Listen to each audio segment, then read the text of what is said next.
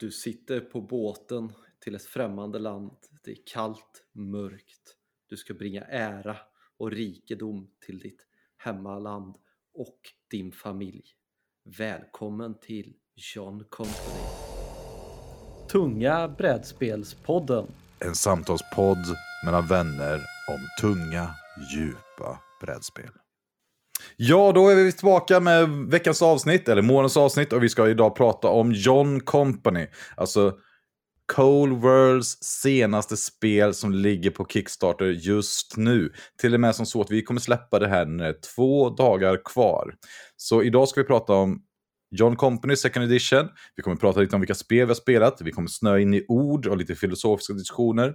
Och prata om ett eventuellt event som kommer. Ja, med mig har jag Martin Johansson som är här. Och eh, jag heter Erik Sundberg och vi har då Tunga brädspelspodden. Martin, du har försökt avbryta mig här några gånger. Vad säger du för någonting? Ja, men jag tänkte vi ska försöka prata lite historia också. Eh, eller vad vi har fattat om eh, Ostindiska kompaniet som vi båda två har blivit lite mer intresserade av än vad vi trodde. Ja, liksom inte bara det att vi försöker syssla här med att vi ska föra ut tunga brädspel. Nu har vi, vi har liksom läst avhandlingar, vi har lyssnat på historiapoddar och vi kommer här då med färska rön om kolonialism eller imperialism eller vad är det nu är frågan om. Ja, ja precis. Det kommer allt. Okej, men jag tänkte vi skulle börja med vilka spel vi spelat sen vi träffade sist. För, eh, ja, vad har vi spelat för någonting Martin? Har du spelat något? Uh, jag har spelat uh, Great Zimbabwe med dig. Ja. Uh, du har försökt lära ut en antiquities. Antiquiteten? ja, precis. Försökt med Göteborgsgänget spela Brass också. Ja. Men vad säger du om Great Zimbabwe då? Och... Splotters, det är ett spel av Splotter, som, Splotterspellen som vi även recenserat Chain Magnet ifrån de har gjort ett handelsspel från forna storriket Zimbabwe. Som handlar om eh, ja, handel i Afrika helt enkelt. Sjukt bra tvåspelarspel. Eh, jag tror, jag har ju provocerat Erik med massvis av gånger och säga att det är ingen idé att spela det mer än på två. Ja, varför då? Liksom, var, varför tycker du inte det? Nej, för jag tycker att där är det så tydligt vilka två som tävlar om första platsen så att det blir tråkigt om du inte är en av dem det blir så uppenbart där om du ligger tre eller fyra och inte har en chans att komma tillbaka. Så du menar att det är ett splotterspel där man alltså kan förlora tidigt och man är ute ur leken och man får sitta och lida? Ja, precis. Det låter inte alls som något annat. kul under resan. Jävla dubbelmoral alltså. Var det inte du som hade liksom en fuck you-klås, fuck off you-klås i Fuji Magnet? Du kanske borde ha den i Great Zimbabwe istället? Definitivt. Ja, jag kanske får flytta den dit. Ja. Eh, men det känns bättre nu när vi har spelat eh, på nätet då, synkront. Det känns eh, lite bättre. Men annars är det väl ett bra fillerspel? Eller? Bra fillerspel, ja. Vi ska inte ens börja definitionen av vad filler är. vi diskuterade ju på våra förra avsnitt och diskussionen har fortsatt. Det var tusen en filler. Jag tror att det var Mattias som sa att den behöver vara kort så man kan avsluta den när som helst och typ okomplicerad. Och jag eh, tycker att om man kan avsluta spel när som helst så tycker inte jag man borde spela spelet. Men det är ju det är bara jag. Ja. Men Great Zimbabwe, det som är intressant med det tycker jag är att man det är, man får välja gudar och man bygger olika typer av handelsmän och personer som skapar resurser och sådär, producenter. Och det är så in, intressant för man har typ tre, fyra olika typer av action man kan göra. Och det känns supersvårt varje gång det är ens tur. Och det är en intressant budgivningsmekanik som gör att man, turordningen är... Och den gör spelet riktigt ja, Okej, okay, då får du berätta om den. Berätta, berätta om hur funkar den och vad är det för något? Nej, nej, men, ja, ja, okej, jag kan berätta. Den handlar om att du får, ekonomin i spelet är kossor. Och eh, du har en startposition, den som har, ja just det, det är asymmetriska vinstpoäng i det här. Så det är olika många vinstpoäng man behöver ha för att vinna. Man börjar på 25 20. tror jag det är, om det är 20, jag kommer inte ihåg. Ja. Och så tar du då en gud så kanske uppe på 26 och så bygger du någonting så är du uppe på 32. Då måste du ha 32 vinstpoäng för att vinna, men medan Erik då har tagit guden som gör att du måste ha två mindre vinstpoäng. Så han behöver ju bara 18 poäng för att vinna spelet. Och den som har mest, den som ska ha mest vinstpoäng är den som går först ut i budgivningsrundan. ja, men jag tycker du förklarar det bra. Ja. ja. Och den som har minst då hamnar sist. Och för att, för att få vara med du är med hela tiden tills du passar ut. Och du måste alltid buda mer än ett av det som ligger. Så är du först då, då kan du buda 1, 2, 3, 4, 5, 6, 7, 8, hur mycket du vill. Eh, den personen måste buda plus ett på det, annars passar den och blir sist. Och så läggs de här kossorna på spelarna i, ja, är man fyra spelare så får första en, andra en, tredje en, fjärde en. Har du budit fem då, då får första en till då, så du får första två. Och det är det här som gör det så spännande, för ibland kan du buda så att du får tillbaka en kossa, så då blev det ett billigare för dig för att du landar på din och det blir ett dyrare för nästa att buda. Ja, det finns massa spännande Ja, det som är så intressant. Och det är så, Ja, nej, fortsätt. ja, kör. Nej, men det som är... ja, men det är så. Ja, vi, just det, det ska vi säga då. Att Martin har ju flyttat har vi sagt och han har inte fått nytt fiber. Så vi har ju lagg. Så vi, om ni kommer tro att vi, om inte mer än någonsin avbryter varandra så kommer det stämma. För vi laggar lite och vi ser inte varandra så bra. Så vi ber om ursäkt över det och vi kommer säkert framstå som extra buffliga. Men det som är så intressant med den här mekaniken är ju att man omfördelar. För det är ganska sluten ekonomi. Man betalar, mesta sakerna i spelet betalar man till varandra. Typ att ska jag ha lera för att jag behöver uppgradera mitt coola monument som ger mig vinstpeng, Då behöver jag ge personen som producerar lera pengar. Och den råkar då vara Martin, så då får han mina pengar.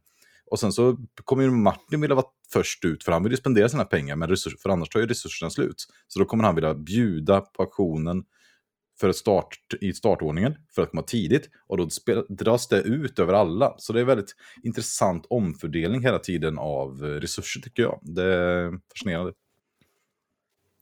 Ja, och ibland blir det så att säga, jag måste buda för att person X inte får komma. Han måste passa ut före person Y, för Y har råd att köpa upp alla resurser som person X kan lägga för att eh, vinna annars. Och det där, det är, ja, det är nog det jobbigaste i hela spelet och det gör det till ett det är en jättespännande mekanik och den är riktigt, riktigt bra. Sen tycker jag resten av spelet är lite tråkigare. Men just den Ja. rundan, det lyfter spelet ofantligt. Jag håller med, sen är det ju ett spel som vi pratar om mycket, att det känns som att det kräver en spelgrupp som spelat ungefär lika mycket för att det ska vara bra. För eh, det, Ja, det är perfekt information, det är budgivning, värderar någon någonting fel, ja, då är det någon annan som vinner. Och det får man lite acceptera. Eh, Jag tycker att det som är så fantastiskt också, det är så otroligt djupt och det är på en och en halv timme ungefär spelet. ja, och spelar man det på två eller tre tror jag man kan få ner det till 40 minuter. Nej, en timme i alla fall. Men Martin är tidsoptimist. Det beror lite på vilka man spelar med. Så eh, nej, men jag tycker det... Ja. Och Vad tyckte du om det spelet synkront då? Du gillade det sa du? Ja, jag tycker det fungerar riktigt bra att spela synkront. Eh, ta bort lite av det där stressmomentet över att behöva eh, räkna på saker och ting och sådär som kan vara lite jobbigt när man sitter live eller runt bordet. Vi spelade på en hemsida, Eh, be- hemsida som heter Playboard Game Core. Och eh, ja, vi har spelat det med vår Göteborgsgrupp och den, jag tycker det är fruktansvärt asynkront. Men, så det är kul att du gillar det Martin. Men jag förstår vad du menar. Alltså, det är ibland att man verkligen måste tänka, bara, hur, mycket, hur många kossor ska jag betala den här rundan? Okej, jag får max bjuda fem i turordningen. Och det är rätt skönt Mm. att kunna göra det i lugn och ro, för det är rätt tråkigt annars när det tar tid när alla ska sitta och räkna på det. Men jag tycker framförallt att det är så bra flow i det spelet. Och spel med bra flow tycker jag är som en njutning att spela när man är på plats. Liksom ett spel bara flyter på, det händer saker. Mm. Och det flowet är ju verkligen helt dött när det är asynkront. Men eh, Ja, det är fortfarande bra och det visar väl vilket Det kan- djup det har. Mm. Eh, ja, nej, men det, jag rekommenderar det. Eh, starkt att spela det. Uh, framförallt vill man ha ett riktigt djupt spel på två personer så tror jag det är ett av de bättre. Ja, verkligen. Det känns ju som ett, en, någon slags spicy ver- version av schack. Jag tror att Fabian som var med förra å- veckan, förra avsnittet sa ju att det var otroligt abstrakt spel tyckte han. Ja, Mm. ja kanske. Men, nej, men jag håller med. Och jag ser ju att vi har ju, spelat, har ju börjat spela ett av mina favoritsplotterspel, alltså Antiquity. Det här, man ska bygga en stad på italienska landsbygden. Det är eh, inte bara det att man som vanligt ska hitta resurser och så här, utan att när man väl utvinner resurser i spelet så tar de ju slut. Landet klarar ju inte av mer. Du tömmer allting runt omkring dig, din stad, på resurser. Saker börjar dö, folk börjar dö, svälten kommer. Och ja, min sambo har ju det som ett av sina favoritspel. Hon tycker det är supermysigt. Jag berättade om det någon gång förut tror jag. Att eh, vi tog med på en parmiddag. Och de sa, men vi vill gärna spela något mysigt. Och sa, ja men vi tar med ett spel. Rebecka tog med sitt favoritspel. Och de tycker ju, min sambo då, Rebecka är jättegullig. Så hon har givetvis ett gulligt spel. Och sen, sen typ 30 minuter in sitter Andreas, han som är med och driver Vi snackar brädspel. Och bara så här, du vet, sitter där bara helt nervös med handen så här djupt, liksom pannan djupt i handen och sen bara, nej, alltså jag tror jag dör, jag tror jag dör, jag, oh, jag ska gå och hämta en öl, jag klarar inte det här, det är för svettigt liksom. Och det är eh, väldigt annorlunda sportspel, liksom att spelet som försöker döda dig snarare än de andra spelarna. I alla fall i början av spelet. Mm. Vad säger du då Martin? Du har inte spelat innan. Ja. Nej, jag tror att jag skulle behövt mer än Eriks tre minuters genomgång på en lunch. Va? Det var ju över asbra! Facebook för att förstå spelet. Eh, Du menar att jag hade... lite så här, kanske, jag kanske förstår lite vad byggnaderna gör och sådana här saker. Jag hade nog behövt en 20 minuters genomgång av det, så hade det nog varit funkat. Just nu, plus att interfacet på just det är värdelöst Okej, jämfört med de andra om du får rangordna från 1 till 10, hur dåligt tycker du det är då? Nej men jag tror inte spelet är dåligt. Nej, men alltså bara att jag interfacet är alltså. förberedd för. Interfacet. Ja men det känns ju lite som någon har... Det är lite som att man skulle behöva sätta sig vid en dator som har Windows 3,1 igen. Ja. Ja, okej. Där någonstans landar Det är kul, för jag tänker så här, vi får ju snacka om det nästa gång när vi spelat färdigt och spelat någon gång till. Men vi kan ju osökt ta oss igenom på, på det här med interface till Brass, som vi har börjat spela nu. Äntligen! Det finns en hemsida som heter Order of the Hammer, som är någon entusiast som har kodat det här spelet. Och man, eh, man måste bli frågad på BG om man får bli inbjuden, för deras ja, mail-klient funkar inte, så man kan inte få ett password-mail. Så man får fråga där, och sen blev vi äntligen inbjudna och sen har vi börjat spela Brass Mm. Lancashire, som det numera heter. Alltså original Brass, inte Brass Birmingham. Ja, Martin, vad säger du om upplevelsen? skepp istället för Skepp öl. istället för öl, ja. Vad säger du om spelupplevelsen där? Ja. Ah, Okej då, om, om den var dålig på en quick, ja. Så brass alltså, det är så här. Erik skickade till mig, gud vad dåligt en, ja, en Triquitis är. Så jag bara, ja, vänta bara tills du får se brass. Och så fick jag ta tre screenshots för att få med all information och skicka till honom på telefonen. Ja, det är faktiskt... Ja, alltså... På nå någonstans, någonstans, alltså, någonstans går ju en gräns. Jag brukar tänka så här, ja, jag bryr mig inte så mycket om komponenter, jag bryr mig inte så mycket om utseendet på ett spel. Alltså, vi har ändå suttit i Excel-dokument och spelat 1806-spel. Ja. Men det här är ta mig fasen det sämsta jag varit med om. Jag bara säger, jag orkar inte spela det spelet. Jag, bara, så här, jag kan ju ändå reglerna och spelat det ganska- ett helt hyggligt antal Ja. gånger. Jag bara så här, det här, nej det här, Men jag, ty jag tycker det spelet normalt sett är lite svårt att få grepp på vad kan jag bygga vart och hur kan Mm. jag... Jag har lite svårt att koppla upp korten med kartan. Det brukar annars vara min starka sida när det kommer till spel. Det är jag som brukar få räkna rutter Ja. och sådana här saker för jag kan se optimala saker bäst i våran spelgrupp, eller bland de bättre i alla fall. Uh, ska man inte bli för... Jo men det är du jätteduktig på, Men- absolut. Men alltså, det, det går verkligen inte på den hemsidan för då är det någon sån här scrolltext någonstans som man ska fylla i och kryssa vart det är och så får man liksom det är inte samtidigt som man ser kartan så man får liksom gå upp och ner hela tiden. Nej, jag vet inte heller. Jag tror vi har kommit till runda tre på en vecka. Vi brukar ju ha spelat färdigt de flesta spelen på en vecka. Ja, men det är ju verkligen Ja. så. Vi hade lite tekniska problem här, så vi kom tillbaka här nu. Nej, men Brass Birmingham, Brass Lancashire. Ja, det känns ju som ett, något avsnitt vi någon gång kommer göra en recension på, tror jag. För eh, Ja, det tror jag också. vi är ju... Vi gillar ju Vi, gill, vi gillar ju det. Som du skulle, jag tror du skulle säga. Ja, definitivt. Det är ju ett så här, eh, spel som jag nog nästan aldrig kommer att tacka nej till eh, att få spela. Eh, Det är alltid trevligt när det väl kommer fram till bordet, men det kanske inte alltid är ett spel jag tänker på. Nej, men jag håller med. Det är intressant, det är bra. Det är... Ja. Men jag måste bara säga... For, Och till skillnad mot, Nej, men fortsätt du. till skillnad från typ Great Western Trail som jag känner att jag måste hålla i så känns det här som ett spel som jag kan plocka upp även med längre uppehåll utan att jag känner mig eh, totalt tiltad. Ja, jag, Ja, jag tror Breast känns som ett mycket snällare spel, även om det är superhårt och givetvis på massa olika sätt. Men Mhm. Great Western Trades, en alltså när du sätter ner så vet du bara, oh, det här har inte spelat på ett tag, jag kommer bli långsamt utstrypt. Ja. Men eh, jag måste säga en hel så här, metakommentar om podden idag. Alltså, jag känner mig lite nervös för att komma in på huvuddelen. Eh, Det- ja. det är inte någon gång innan jag har gjort det. Okej, men vi kan prata lite om, vi har, spelar ju, vi har ju på, det är så här, vi har ju Discord-kanal som jag har promotat på lite olika ställen. Och jag tror att, jag ska kolla nu, dubbelkolla våran, hur många vi är. Vi är just nu 20 personer online och 30 pers offline. Så vi är, vi är 50 personer, 51 verkar vi vara, totalt i Discord-kanalen på Tunga brädspelspodden. Just nu pågår diskussioner här om eh, 1826. Vi spelar, har planerade spel, sön, spel på söndagar. Jag har spelat John Company på söndagar. Och vi har 1826 på tisdagar. Vi har ett nybörjarspel som kommer nu på en nybörjaromgång på tisdag i 1826. Och jag tror vi kommer spela något annat samtidigt.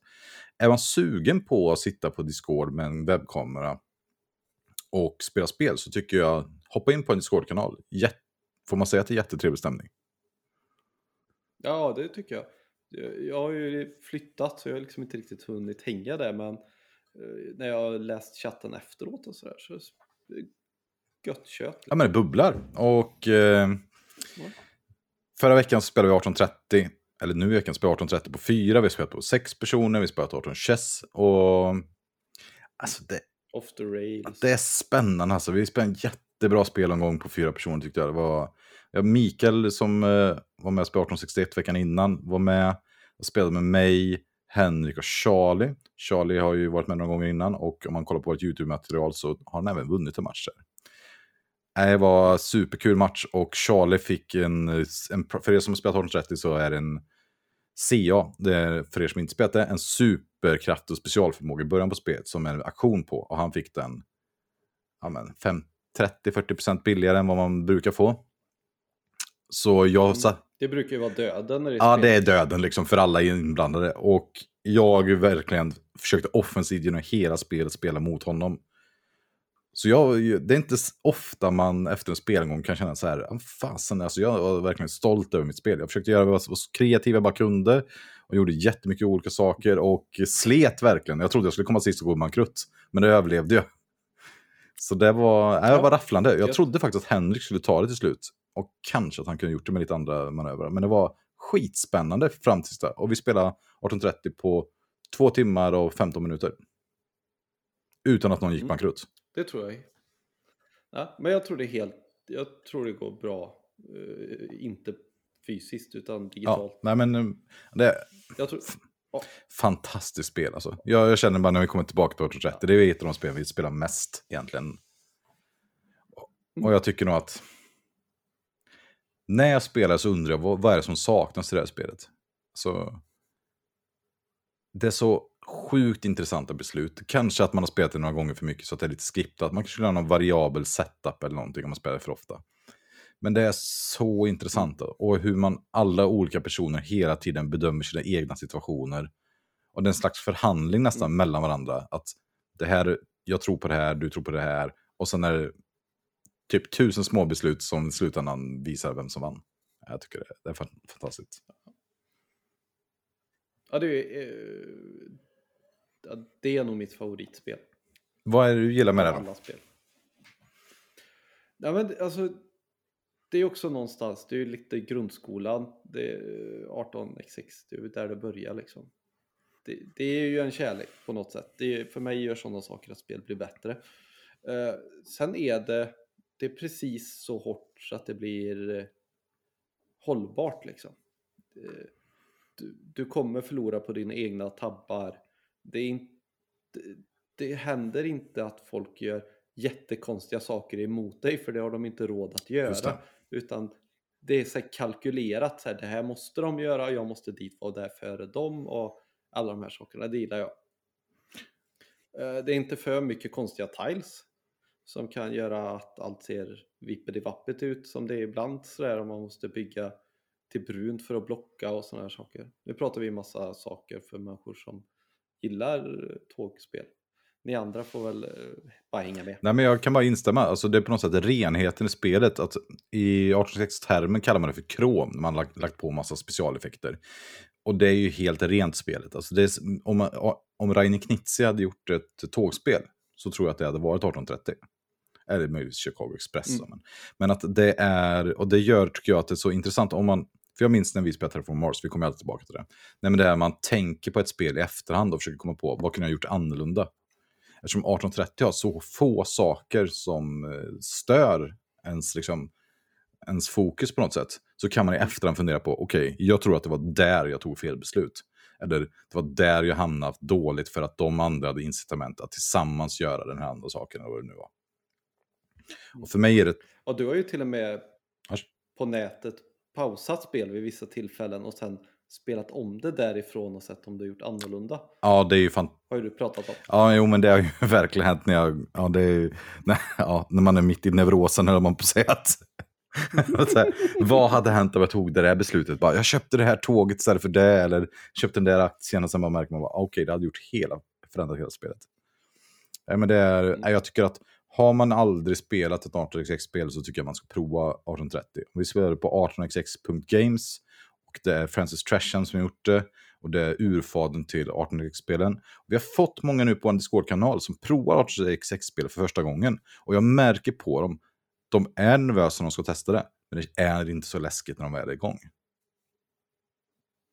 Ja, men det är väl lite som när man står i lite bergs, eh, på ett nöjesfält och ska åka på någonting som känns nu har jag tagit steget lite för långt men man är ju jävligt nöjd när man har gjort det. Ja, Nej, men jag, jag tycker folk som har provat de här spelen på riktigt uppskatt, verkar uppskatta dem. Så är ju vi också. Och eh, mm. nej, mer 1860 hos folket. Jag tänkte också prata om 1860 då, som en turnering på, men jag tror att vi hoppar det. Martin, du har ju någonting som ja. du tycker är på gång nu för oss i framtiden. Vi har på gångpunkten här. Vad är det Tunga ja. brädspelspodden har på gång? Ja, men vi, vi skulle ju egentligen gjort det här i höstas. Men som alla vet så dök det upp något virus förra våren där och började förstöra för allmänna sammankomster och sådär. Vi har ju tänkt och planerar väl fortfarande och förhoppningsvis i sommar eller höst ska vi hålla i ett event. Nu blir det ju Tunga brädspelspoddens event tror jag. Och där kommer ju fokus att vara 18xx-spel eller tyngre brädspel. Eller har jag missförstått det? Nej, nej, men jag tycker det låter... Jag tror bara att... Eh, alltså så här, jag har hittat... På, varje år kommer en eh, ordlista från akademin. Jag tycker att ett ny, nyord för nästa år borde vara pandemikompis. Mm. Du menar att vi ska kunna träffa alla våra pandemikompisar nästa år? Ja, men... I Vänersborg? Ja, kan man inte i alla fall få bjuda in dem så man så här, i alla fall kan låtsas att man ska ses på riktigt? För på något sätt tycker jag att, mm. fasen jag har träffat så jäkla mycket folk som jag gillar på, nu på internet. Ja. Och det vore skittrist om man aldrig träffar dem igen. Ja, och jag upplever väl också en sak att det finns, i alla fall för oss som gillar lite tyngre och jobbigare saker och sånt där. Allting händer ju på östkusten. Mm. Och alla vet ju att västkusten är lite bättre än östkusten så vi får ju styra upp någonting. Härligt, East Coast versus West Coast. Eller vadå? ja. jo, men så är det. det. Ja, men lite. Vi behöver ha något här också. Och det, det, det finns ju jättemycket så här troliga och trevliga evenemang där man kan åka iväg. Tysk helg och vad skulle det nu... Ja, Inforsa tågeventet ja. Mm. Ja, precis. Låter ju helt underbart. Men vi kan ju också... För... Det vore kul att testa någonting i mindre skala och se hur det funkar och om folk gillar det och sådär. Alla har ju inte de pengarna heller som det kostar att åka och bo på ett hell en hel weekend även om det min, är rabatterade priser. Min förhoppning är ju att det är så få som vill komma att de kan bo hemma hos, hos mig i mitt hus. Eventuellt också ja. din nya gård som du har köpt. Som... ja, precis. Det, där ligger ju lite längre bort så, men det går tåg dit så det är ju lugnt. Ja, ja, man får åka lite buss också. Men... Det ordnar sig. Nej, men så om man är intresserad av det här så kommer det komma ut. Eh, säkert läggas ut i vår Discord-grupp, säkert läggas ut i vår Facebook-grupp. Eh, ett pandemisäkert event där vi träffas, spelar massa spel. Mycket fokus på givetvis tunga brädspel. Jag hoppas ju att det blir en ja, bra blandning. Ja, jag hoppas ju att det blir ett 18xx-event. Men Ja, det är skönt att vi har lite spridda Ja, det kan, alltså, jag känner ju snarare så här att alltså 18xx-spelen är ju så överlägsna nu att spela på internet via 18xx Games. Jag är ju börjar bli sugen på riktiga eurospel. Oj, det är Ja, men, tänk dig om vi skulle spela... Vad är ett eurospel då? Nej men du, det tar vi snart. Men tänk om vi skulle spela... Ja, det var ju lite dit jag försökte komma till. Tänk om vi skulle spela. Barrage tre gånger samma dag. Ja, gud. Ja, det vore... Det vore riktigt gött alltså. Eh, Ja. Okej, men eh, med det, allt det sagt så vill Martin nu att vi ska ta oss vidare till nästa programpunkt och det är ju att vi ska prata om tema. Det är ju som så här, vi har ju innan varit och stött och blött med Contradargos, Conradargos eh, regler, forumregler där man inte får uttala problematiska saker kring spel, till exempel att diskutera spels eventuella problematik kring ett spels tema.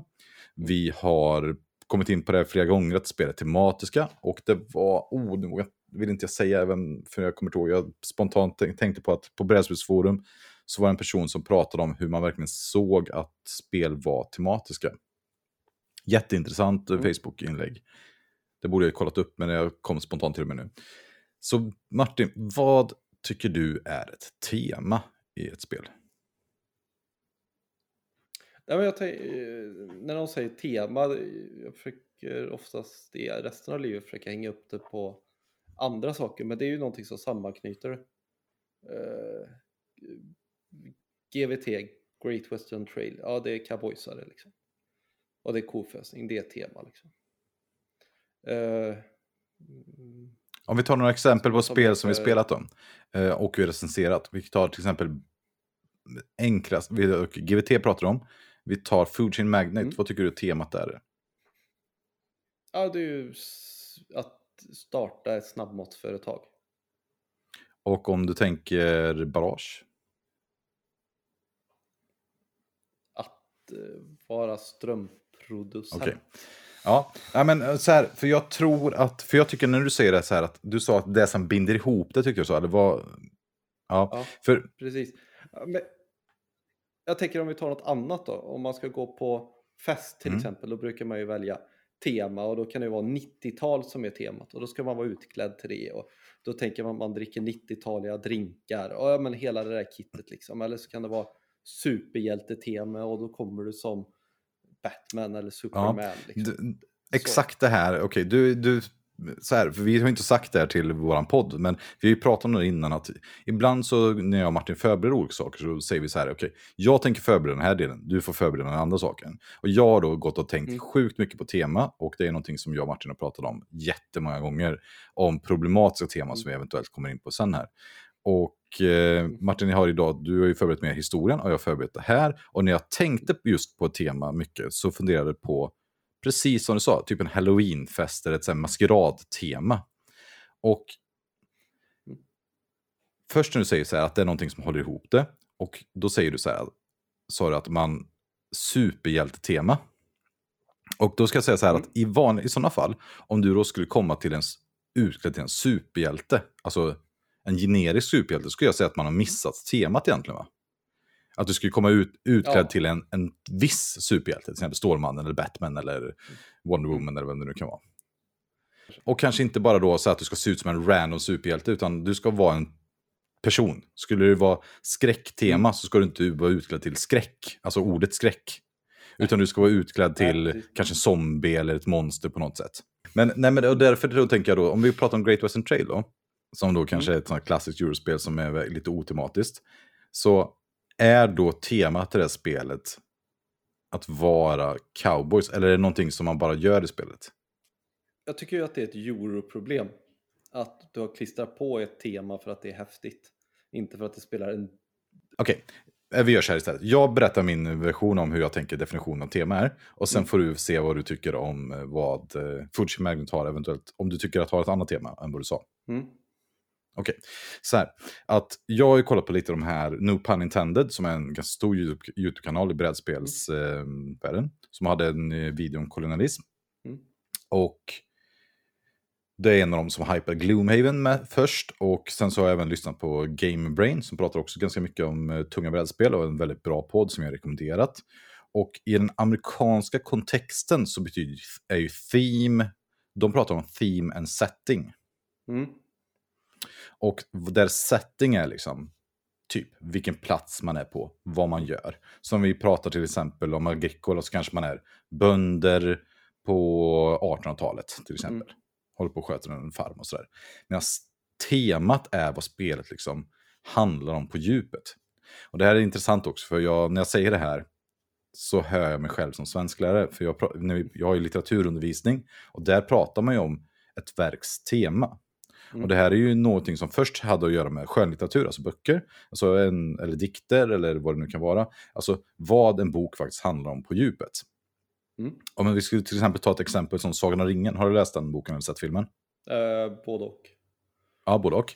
Eh, om man då skulle säga att settingen i den, eller liksom miljön som det utspelar sig i, är att ja, man är i någon slags fantasivärld, det är alver, det är hober, det är orcher. Ja. Medan temat är liksom vad själva Sagan ringen handlar om på djupet. ja. Och nu får jag ställa dig på pottkanten. Vad skulle du säga att det handlar om på djupet? Om man tar bort alla de här individuella, specifika sakerna för verket. Vad, liksom, vad är verkligen Sagan om ringen, första filmen eller första boken handlar om? Eh, vänskap skulle jag säga. Ja, och där har du då ett tema. Att, liksom att det som är då liksom är, och jag håller helt med dig, liksom det handlar om det är kul att jag fick gåshud här nu när du sa det. Det är så jävla djupt rotat. Jag bara, du blir helt plötsligt min elev i svenskämnet. Fy fan, Ursäkta. Högst awkward. Men ähm, stjärnelev, A-betyg. Ja. Nej, men att, men, men tänk, berätta då hur du funderar på att det handlar om vänskap. Kan du ge något exempel eller förklara? Nej, men jag tänker att det handlar om gammal vänskap. Frodo och Sam, som har varit kompisar hela tiden. De skaffar nya vänner längs vägen. Eh, De andra hobbitarna. Och hur man blir vänner med någon som man egentligen inte har någonting att dela med. Men eh, på grund av om, yttre omständigheter så blir man vänner ändå. Ja, jag håller med. Och det, man skulle kunna säga så här att, och som man pratar vanliga motiv och sånt som är ett vanliga typexempel, äh, typhändelser som händer i det här, som också är en sån här litteraturterm. Då skulle man säga att det är en, kanske en roadtrip-film nästan. Ja, Eh, I vanliga fall brukar man åka i en bil, men de går. Och det kanske handlar om, det, eh, kanske något tema är det onda mot det goda, kanske. ja, Alltså, och det här är då ganska då generella saker som det handlar om. Mm. Som inte säger så mycket om de specifika personerna. Att den här och den här personen är med och den orcher. Så precis som du pratar sen med Mm. exemplen. Och det är ju litteratursättet att se på film och på text och på berättande. mm, Så tv-spel till exempel går ju in i det här också. Där kan man ju prata om ett verks tema. Alltså, okej, det här spelet handlar om ondska eller om vänskap eller om kärlek eller vad det nu skulle kunna vara. Då är min fråga, vad tycker du, om man ska på det här sättet se på tema, vad tycker du att Full Chain Magnet handlar om då? kapitalism. Ja, ja men jag håller med. Typ girighet kanske också. Ja. Precis. Kapitalism, ja men jag håller med. Kapitalism, girighet, eh, konkurrens, konkurrens kanske på något sätt. Ja. Cutthroating eller vad man ska säga. Ja.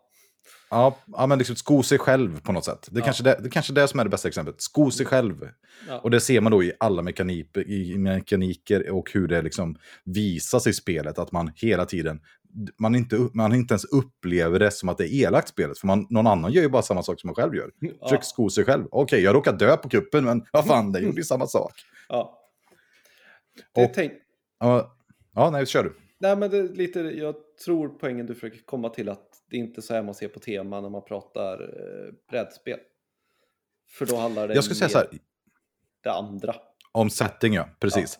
Och jag skulle säga så att i, i de här poddarna och i en amerikansk kontext och en engelsk kontext Mm. så verkar det ibland smygas in den här, eller ska man säga, jag, jag tror egentligen man pratar om tema på det här sättet där.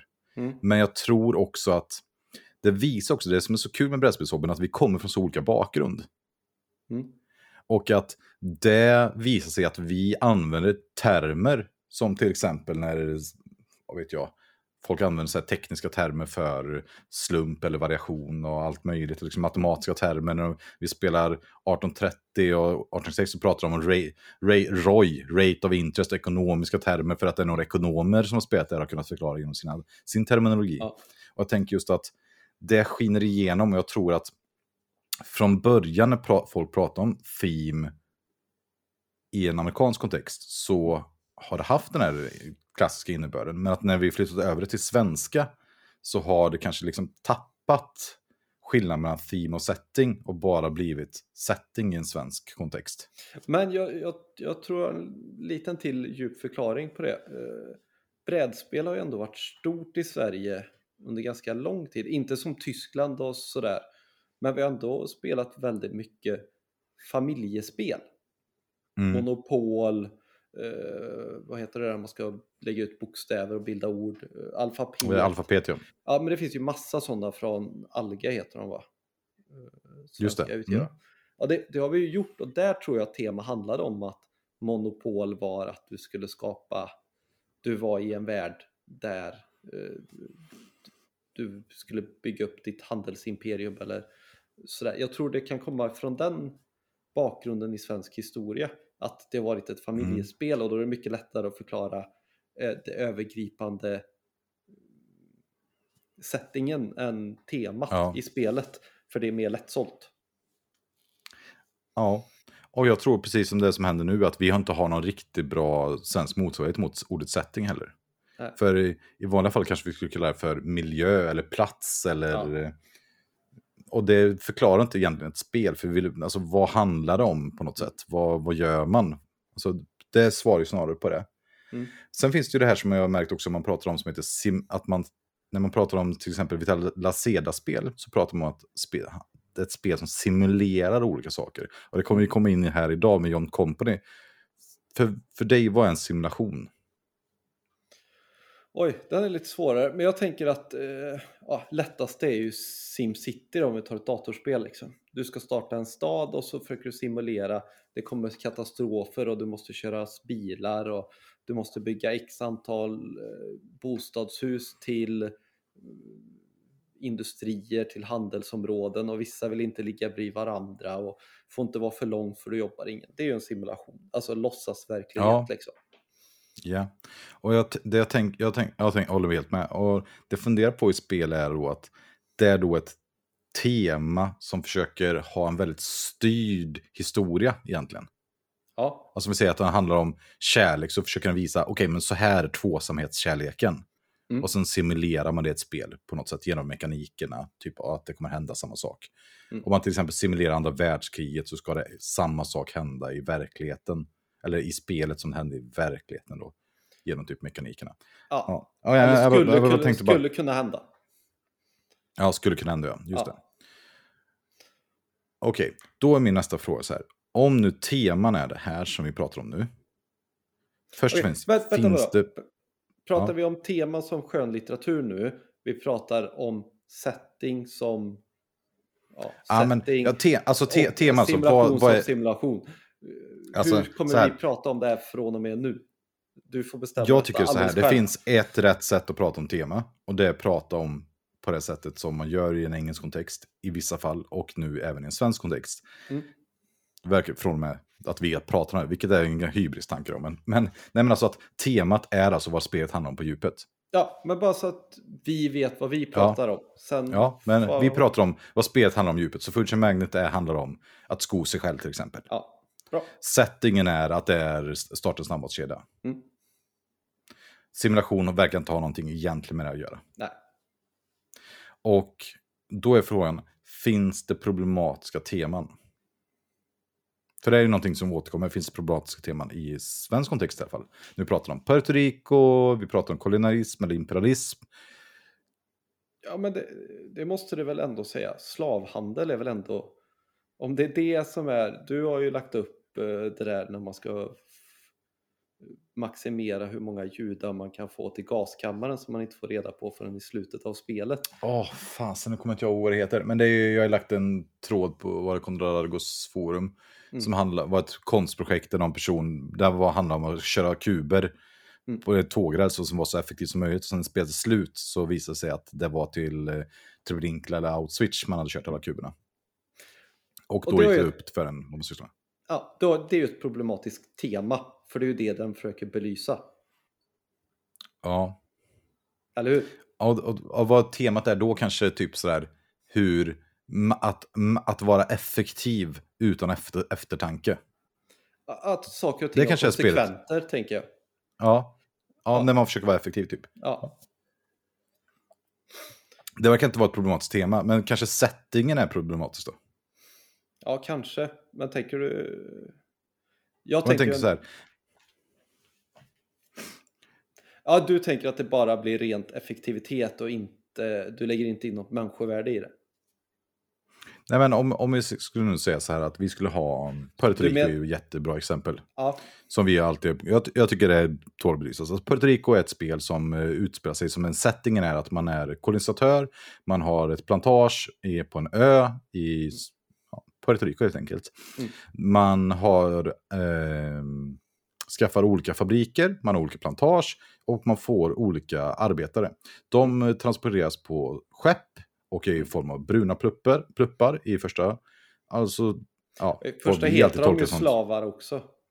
Ja, precis. De heter nog slavar från början också. Ja, Så det är slavar helt enkelt. Som kommer till en. Och de kostar ingenting att anställa utan man bara tar dem och sen placerar man ut dem och sen arbetar de gratis. Mm. Ehm, och det är ju en sån där klassiker. Är det här ett problematiskt tema? inte enligt den nya definitionen, för det är ju att använda resurser för att få andra resurser. Men settingen är ju sjukt problematisk, tycker jag. Eller Ja, kan alltså, vara det, väldigt stötande i alla fall. det som är intressant med det här är ju, tycker jag då, att om man tänker på det så här, vad är själva temat i det spelet? Temat är väl att man ska försöka Ja, men det kanske är så effektivitetstema på något sätt. Att man ska... Ja, som de flesta euros. ja, resurshanteringseffektivitet, maximin-tema på något sätt. Mm. Och eh, settingen till det ger ju ingenting. Alltså det settingen att du bara. är... Det förstör verkligen. Och på, Ja. då, på det sättet är det ju en usel setting. För det hade ju mycket bättre kunnat vara att man var fabriksanställd och sysslade med att... Eh, typ du var plockare på Amazon och skulle försöka... Det hade i och för sig kunnat vara lite problematiskt också. Men... Det går ju att göra samma sak och hitta samma tankar utan att det blir problematisk setting. Du skulle kunna ha gjort Ja. det modernt i Dalsland eller i eh, Tyskland eller Rymden. Rymden ja. Ja, där är ju Road for the Galaxy ett gyllene exempel. Det är ju ett kortspel som bygger på liknande mekaniker. Race. Racer ja. Ja, precis. Vi pratade om Tom Lehmans spel Race for Galaxy som från början var ett beställningsjobb för att ta Puerto Rico in i rymden och göra ett kortbaserat spel. Mm. Eh, De var inte nöjda. De eh, gjorde ett kortbaserat spel istället som heter San Juan tror jag. Och Tom Lehmann släppte sitt eh, Race for Galaxy som är en odödlig klassiker ska jag säga. ja Det är ett fantastiskt spel. Men eh, okej, det finns inga proble- problematiska teman, men finns det problematisk setting? spel. Ja, definitivt. Jag ogillar ju Puerto Rico på grund av settingen.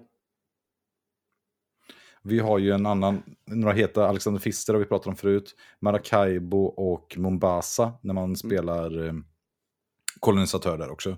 Man tar över landet och sen är det kul att effektivitetspusslet i det är ju att vara revisor och redovisa alla skatter man tagit för, från eh, ursprungsbefolkningen. Ja, och det är också jätteproblematiskt. Eller alltså, det- kommer ju från den västvärldens syn på det hela och tar ingen hänsyn till eh, skadan som åstadkommits liksom. Men vet du vad jag tänker då? Är? Att det här spelet vi pratar om nu, som jag, ah, det är så kastat att jag inte kommer ihåg vad det heter. Jag borde egentligen pausa podden och eh, googla upp det. Men ja, det här vi pratar om att... också. Ja, men vi tar dem en sekund. Men det här med att pusha kuber in i ett tåg till Auschwitz. Att där har man då en problematisk setting kan man säga. Mm. Men som temat handlar om hur problematiskt det är med effektivitet. Mm. Så blir inte settingen ett problem. Utan det är ju då styrk, stärker ju då hela verket. Ja, Och det är det som är intressant. Att det handlar då hur temat funkar ihop med settingen. Ja det, som gör det problematiskt eller inte oproblematiskt. Till exempel om Mombasa på något sätt hade ifrågasatt slaveriet eller Mm. ifrågasatt eh, kolonisationen eller någonting. Att till exempel att gå in och ta massa diamanter, det dog massa personer då till exempel Mm. ur ursprungsbefolkningen och att det gav minus vinstpoäng. ja, Då hade det helt plötsligt handlat, varit ett tema i det spelet som handlade om hur ens effektivitetsiver hade dödat andra människor som inte var ens egen befolkning ja, precis. Och jag känner lite om man eh, kanske inte ska bli superpolitiska men det är ju återigen vinnaren som berättar historien och det brukar ju det har ju medfört bekymmer förut om man tittar lite historiskt bakåt på det och sådär. Och vi gör det ju igen, eller inte vi, för jag producerar inga spel så jag kan väl komma undan den bollen men det är fortfarande samma typ och det, det tror jag kan vara väldigt jobbigt för människor som inte gick vinnande ur situationen. Ja. ja, det är intressant. Vi har ett spel som heter 18, 1800, Anno 1800 av Martin Wallace som har kommit nu som fått kritik och även cred för att vara imperialistiskt tema. Mm. Men det kanske är ett annat avsnitt.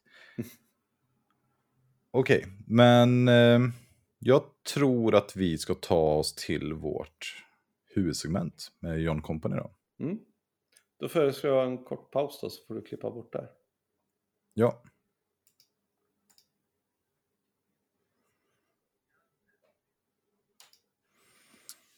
Ja, då var vi tillbaka efter vår kortare paus och vi har ju en rättelse från förra veckan som vi måste ta och det är ju att Tom Russell finns inte längre. Vi pratar Irish Gage, Fabian presenterar Tom Russells design Irish Gage och är nu, heter nu Amable Holland. Finns på BG, Tom Russell är Amable Holland nu för tiden. Och eh, det tycker jag visar på något sätt utvecklingen i brädspelsbranschen, att den blir mer eh, hbtq-vänlig. Mm. Håller med.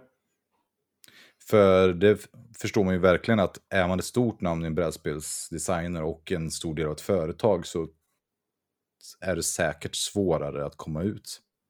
Ja. Eller att på något sätt. Och det, ja men all cred. Mm. Håller med fullständigt. Dagens designer är inte Amable Holland utan det är Cole Whirl. Jag skulle säga att det är brädspelsindustrins kanske hetaste designer just nu. Han har designat Root, Infamous Traffic, Oath, Pax Pamir, Pax Pamir Second Edition, John Company och nu också John Company Second Edition. Han är het, han är hetare, han är hetast. Och vi ska försöka ta oss an hans Kickstarter-kampanjspel, alltså John Company Second Edition nu. Och spelet handlar om att man styr det engelska Ostindie Company-företaget, som även var känt som John Company. Man försöker styra det tillsammans för att bedriva handel i Indien. Och Martin, vad är det egentligen det handlar om? Är det här handel? Är det Indien? Är det Storbritannien? Vi har ju eftersökt, eh, undersökt historien bakom det här och vi tänkte att Martin här nu skulle försöka delge oss någon slags bakgrundshistoria till det här spelet? Eller vad, hur tänker du om det? Jo, jo, men jag ska försöka... Eh, ja, vi sa nog kanske det före vi började spela in, eller om vi nu sa det.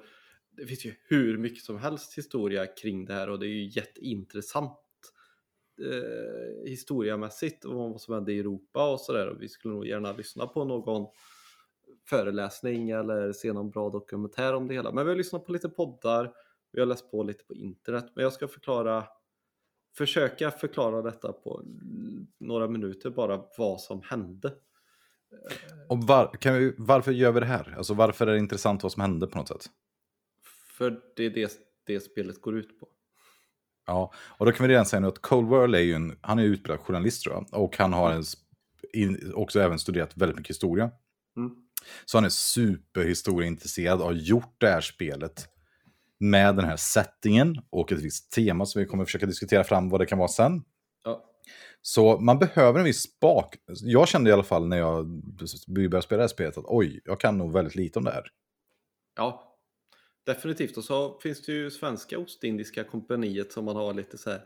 Ja, men de byggde ju den där Ostindiefararen som tuffade runt och man kunde betala sjukt mycket pengar för att få en spik graverad med sitt namn om man åkte dit på en skolutflykt när man var liten när de höll på att bygga det och sådär. I alla Just fall det. vi i Västsverige i, eller i Västra Götaland kunde göra sådana saker. Men eh, lite ja. bakgrundshistoria då kring hela Ostindiska kompaniet och det här. Eh, ja, så jag ska försöka sammanfatta detta på ett någorlunda begripligt sätt får vi väl se om jag lyckas eller inte. Eh, Men det var mycket handel som bedrevs i Europa med andra länder.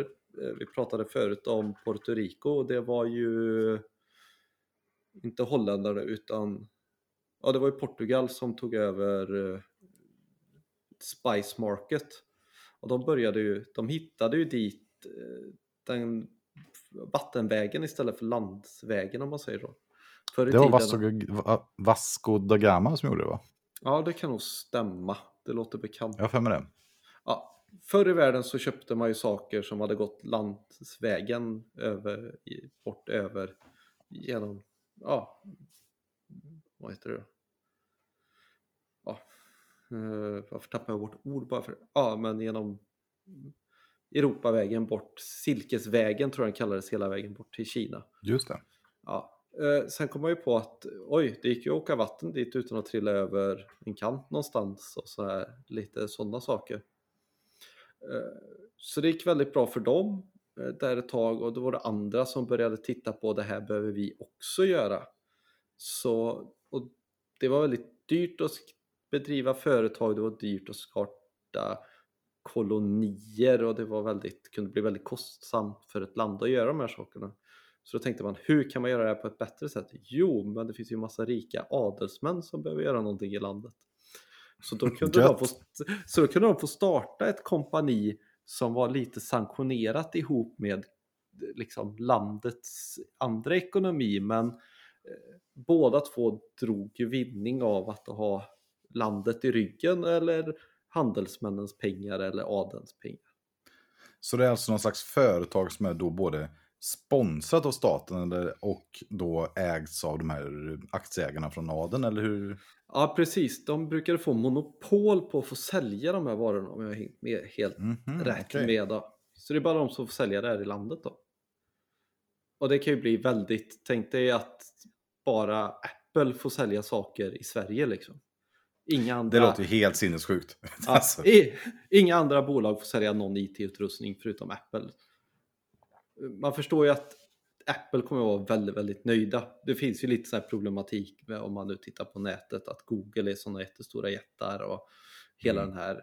Men det här är ju, tänk dig då att du har landet bakom dig också. Det är liksom eh, det låter sinnessjukt. Och jag tänker just att kryddor på den tiden som jag minns det, att det var jättevärdefullt. Och det, man måste kunna skeppa jättemycket på ett skepp. Ja, precis. bara- Så det var ju sjukt ekonomiskt. Eh, så i alla fall eh, drottningen på ja, 1600 bestämde sig att nu ska vi också starta ett sånt. Så hon skrev ett brev till eh, att eh, ett sånt här företag skulle skapas, Ostindiska kompaniet i Storbritannien. För att handla med Asien som Portugal hade gjort innan och även Holland då. De ville ju börja köpa upp skepp av England och de insåg ju England att de kunde använda sina skepp bättre själva. Och eh, de gav sig ut. Det gick väl inte jättebra i början om jag förstod det hela rätt. Det var väl inte jättemånga i Indien som var jättesugna på att få ylle. Det var väl lite för varmt där. Men man löste ju det snabbt och smidigt genom att göra en liten handelsräd mot något annat eh, nationellt fartyg som fanns där. Portugal kanske hade någonting de behövde. Då angrep man deras skepp och tog över varorna i det och så åkte man och handlade med Indien. Eh, i Storbritannien var ju ganska sent till Indien också jämfört med många andra länder så de kom ju lite sent på bollen. Och det som är värt att säga här är ju att Osmanska riket var ju jättestort. Där Ja, för det var väl superstarkt egentligen? Eller? Ja, det var det. Det är väl ändå lite på vägen när det håller på att fallera om jag har hängt med rätt. Men det är fortfarande superstarkt. Det är ju liksom jättestort och sådär. Jag har för mig att jag lyssnade på en podd som sa att de första personerna från England som kom dit, som var ambassadörer, om man ska nu kalla dem, eller företagspersoner, de fick vänta tre år på att få ett möte med mogulen. Ja. Det, är- det, det är ju lite tidsaspekter här som är annorlunda också. Vad tog det? Det tog väl typ så två år eller tre år för ett skepp att åka fram och tillbaka bara. Så man fick ju hoppas att det gav bra avkastning om man säger så, det man Ja, gjorde. sinnessjukt. att det inte sjönk på vägen liksom. Ja, det verkar kast om portugiserna räddade sen. Ja, precis. Tur om man nu räddade eh, ett portugisiskt skepp på vägen. Eh, Handel var ju lite annorlunda då mot nu. Jag tror det var någon britt som sa det att eh, vi kan inte ha handel utan krig och vi kan inte ha krig utan handel. Eh, Just det, det är intressant. Och det kan vi säga så här att vi kommer lägga ut de här poddlänkarna som jag har förberett med. Och jag har läst en mm. avhandling om, eh, jag läste kolonisation, imperialism i brädspel också. Jag kan lägga med lite sådana länkar som man kan läsa, som är ganska intressant. Ja, i alla fall, det började väl inte jättebra för England, eh, eller Ostindi engelska Ostindiska kompaniet, men de lyckades bit för bit lyckades de köpa, ja, köpa, muta sig ur att behöva betala skatt i grundland, eller i Indien då. Sen lyckades de förhandla sig till att de skulle få ha militär där för att skydda sina varor.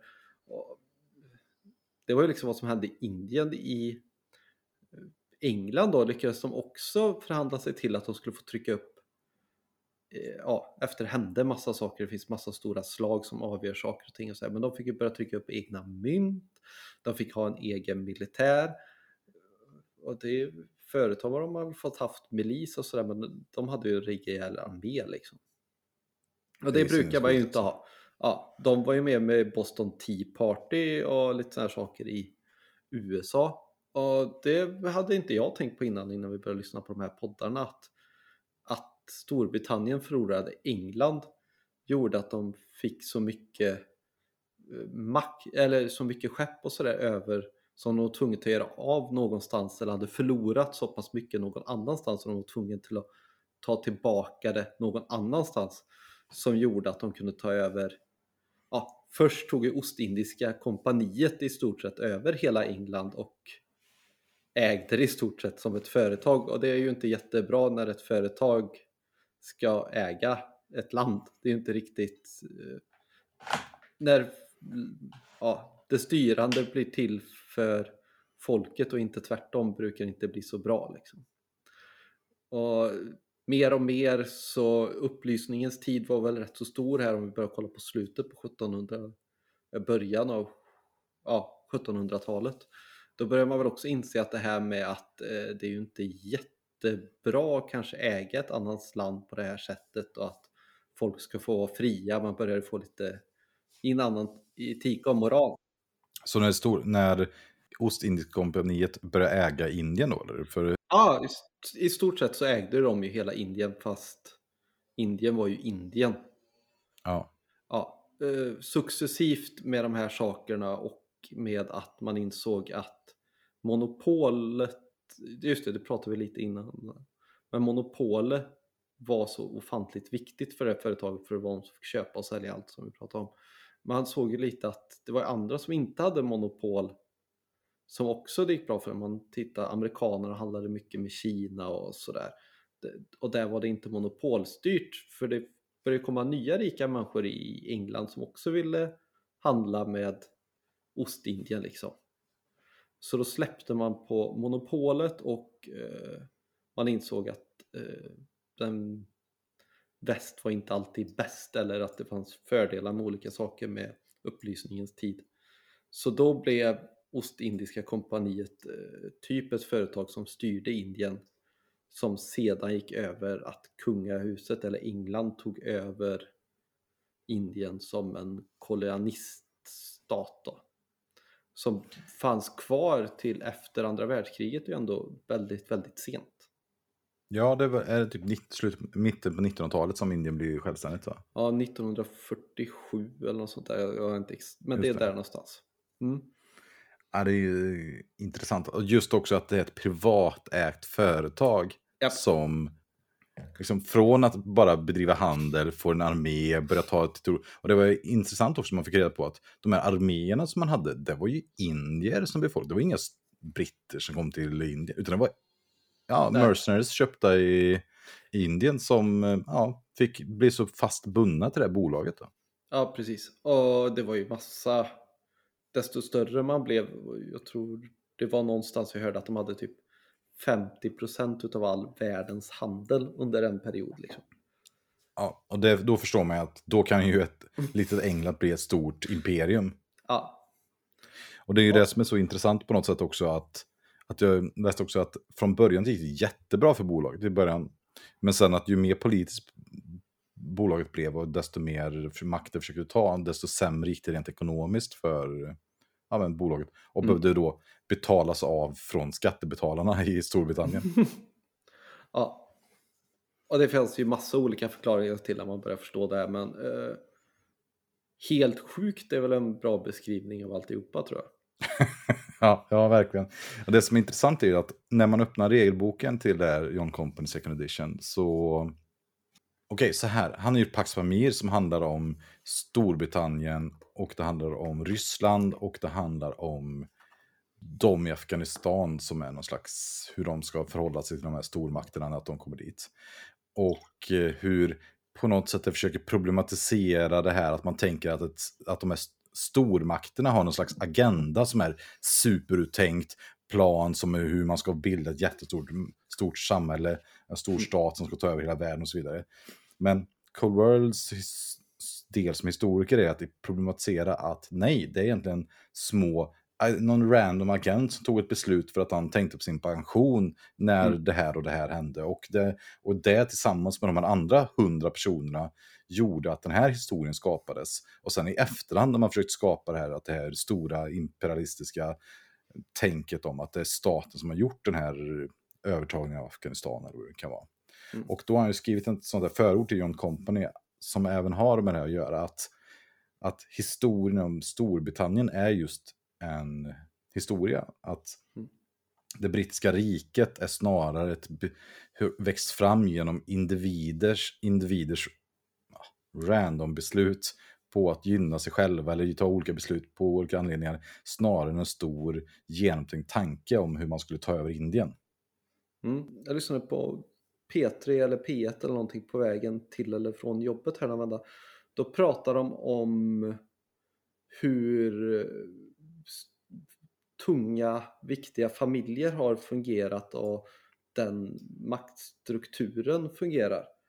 Eh, De pratar Mm. om KG Gyllenhammar och hela den familjen att det var en viktig Spännande. del av, av eh, en adelsfamilj att ta ansvar över eh, liksom de svagare människorna eller alltså de som var mer utsatta än dem och det, det tillhörde liksom ett rikt eh, och viktig familj. Har man fått så mycket så ska man ge tillbaka och då Mm. avsatte man en son på att sköta politiken.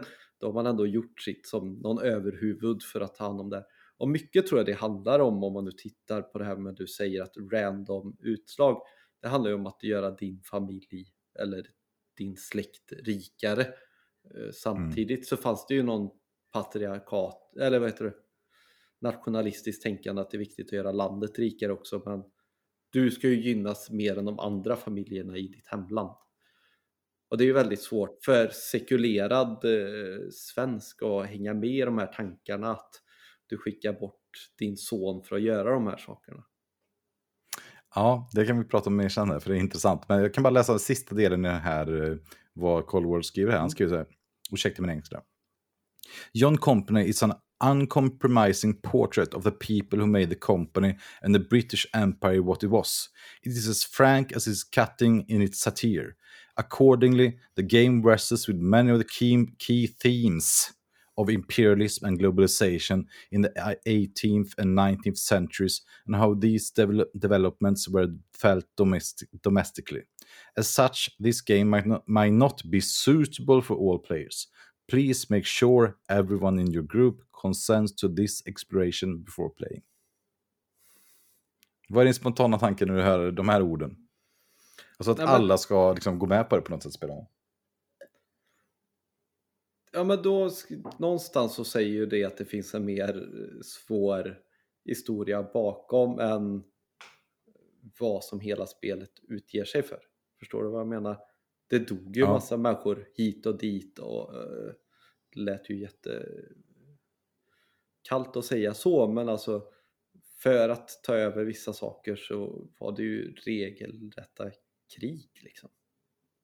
Ja, det, jag kan bara rekommendera att läsa den här texten Cold World. Det är superintressant. Han pratar nämligen om just de här sakerna.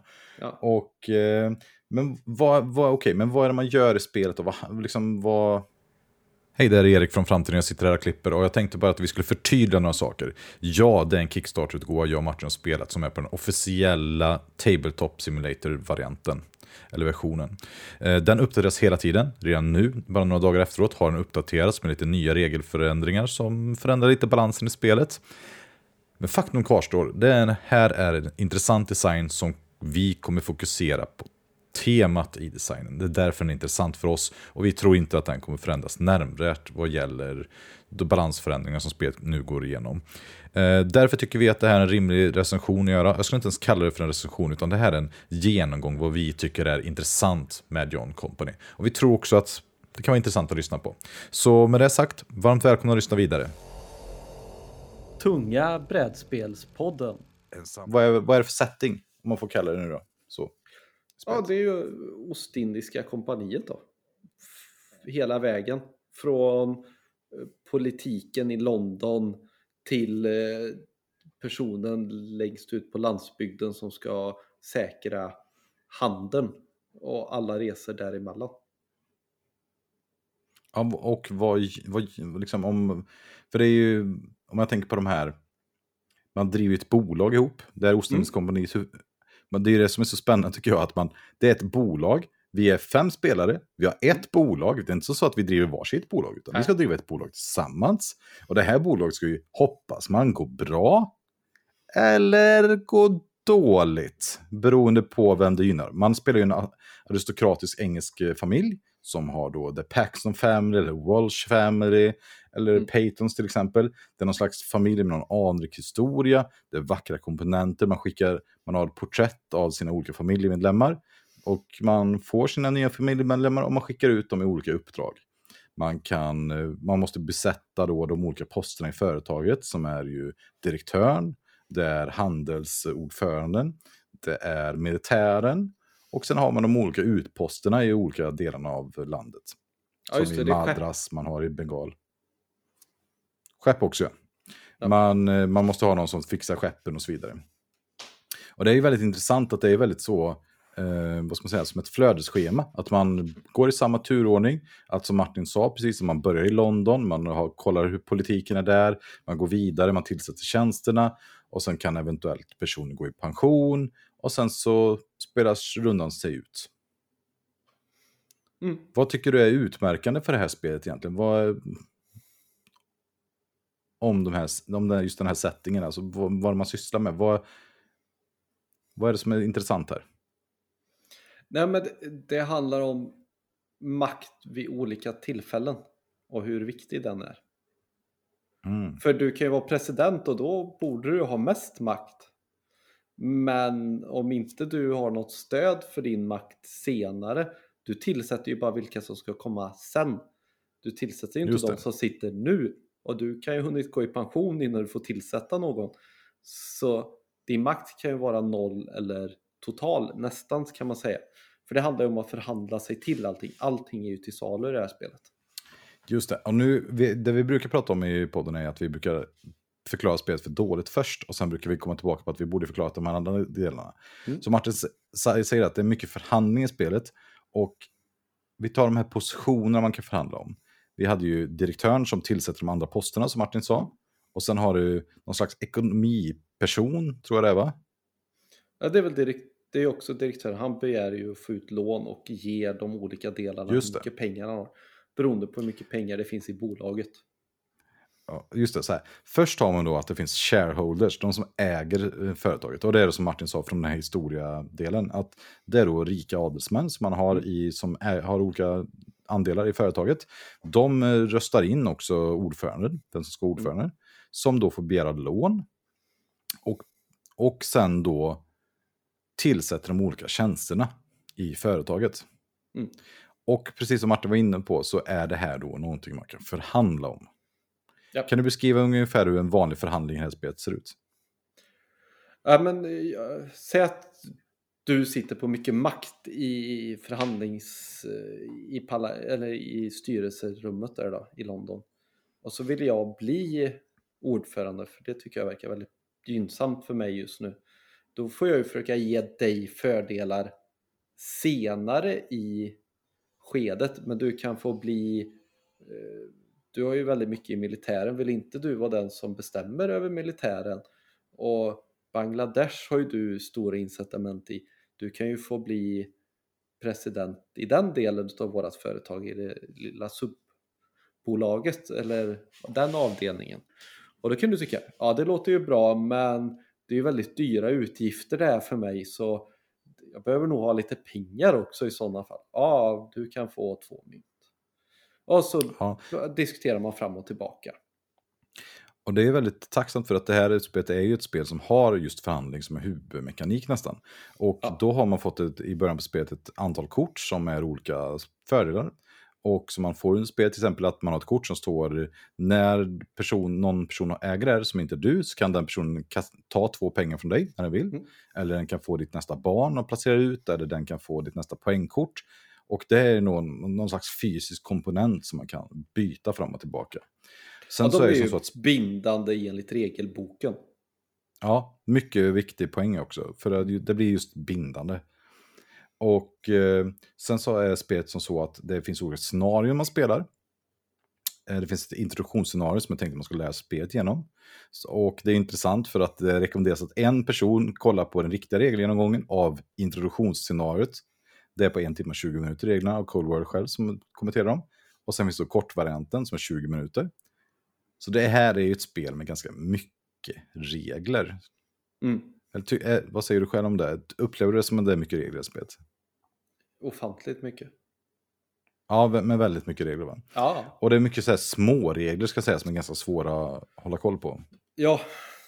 Och det gör det ju så svårt. Eller det gör att man måste återgå till regelboken eller chansa lite.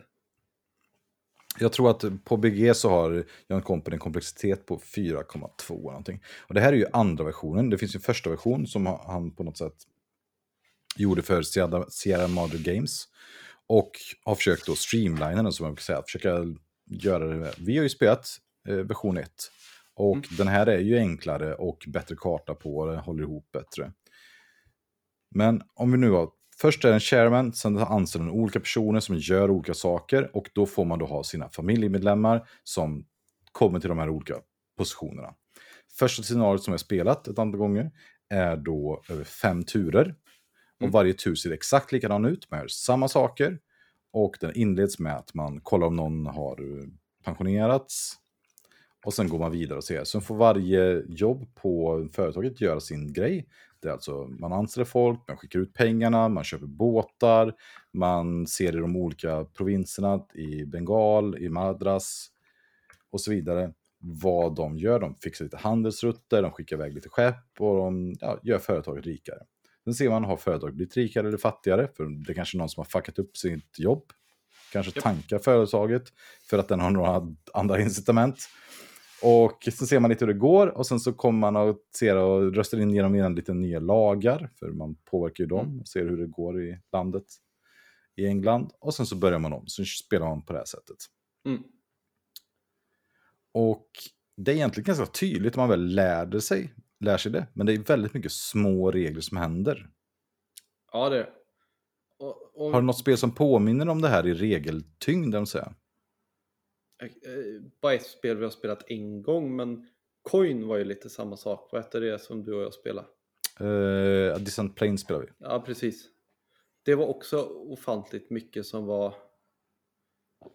eh, som, det var också massa småregler och konstigheter för allting fungerar inte exakt likadant i varje steg och sådär. Och det, det, det är nog den bästa jag kommer på. Jag vet inte om du har någon bättre liknelse? Nej, men jag har spelat Lisboa till exempel och Vital da Seda. Det är ju det var också mycket regelbok, även tredje, fjärde spelomgången. Pax Renaissance som vi pratade om tidigare av eh, Phil Eklund. Det är också spel man måste spela med regelboken mycket. Ja, men det är ganska mycket regelbok. Men vi har ju haft tur haft en spelledare nu, Mattias, som har hållit i det här. Och Ja, det funkar gud. ju Vad skönt. väldigt mycket bättre. Ja. Ja. Tack Men Mattias. okej, men tack Mattias ja. Okej, men så det har hela den här företagsstrukturen man spelar ihop. Mm. Och vad, de här mekanikerna då? Om vi pratar om förhandlingar, hur tycker du förhandlingen funkar i det här spelet? Vi har ju Är den spelat... bra eller är det intressant? Vi har ju spelat det första gången vi spelade. Då kunde vi spelet ännu sämre och våran spelledare var väl eh, lite sämre påläst än vad Mattias var. Mm. Eh, Så det blev lite längre pauser så det blev lite mer öl. Vilket gjorde spelet väldigt roligt. För vi var nog ganska berusade innan det var färdigt. Eh, Förhandlingarna blir väldigt mycket bättre när man gör dem i verkligheten än när man gör dem som vi har kört över Discord och eh, vad heter det? Ja, skärm liksom. För Ja. talarutrymmet blir väldigt tajt.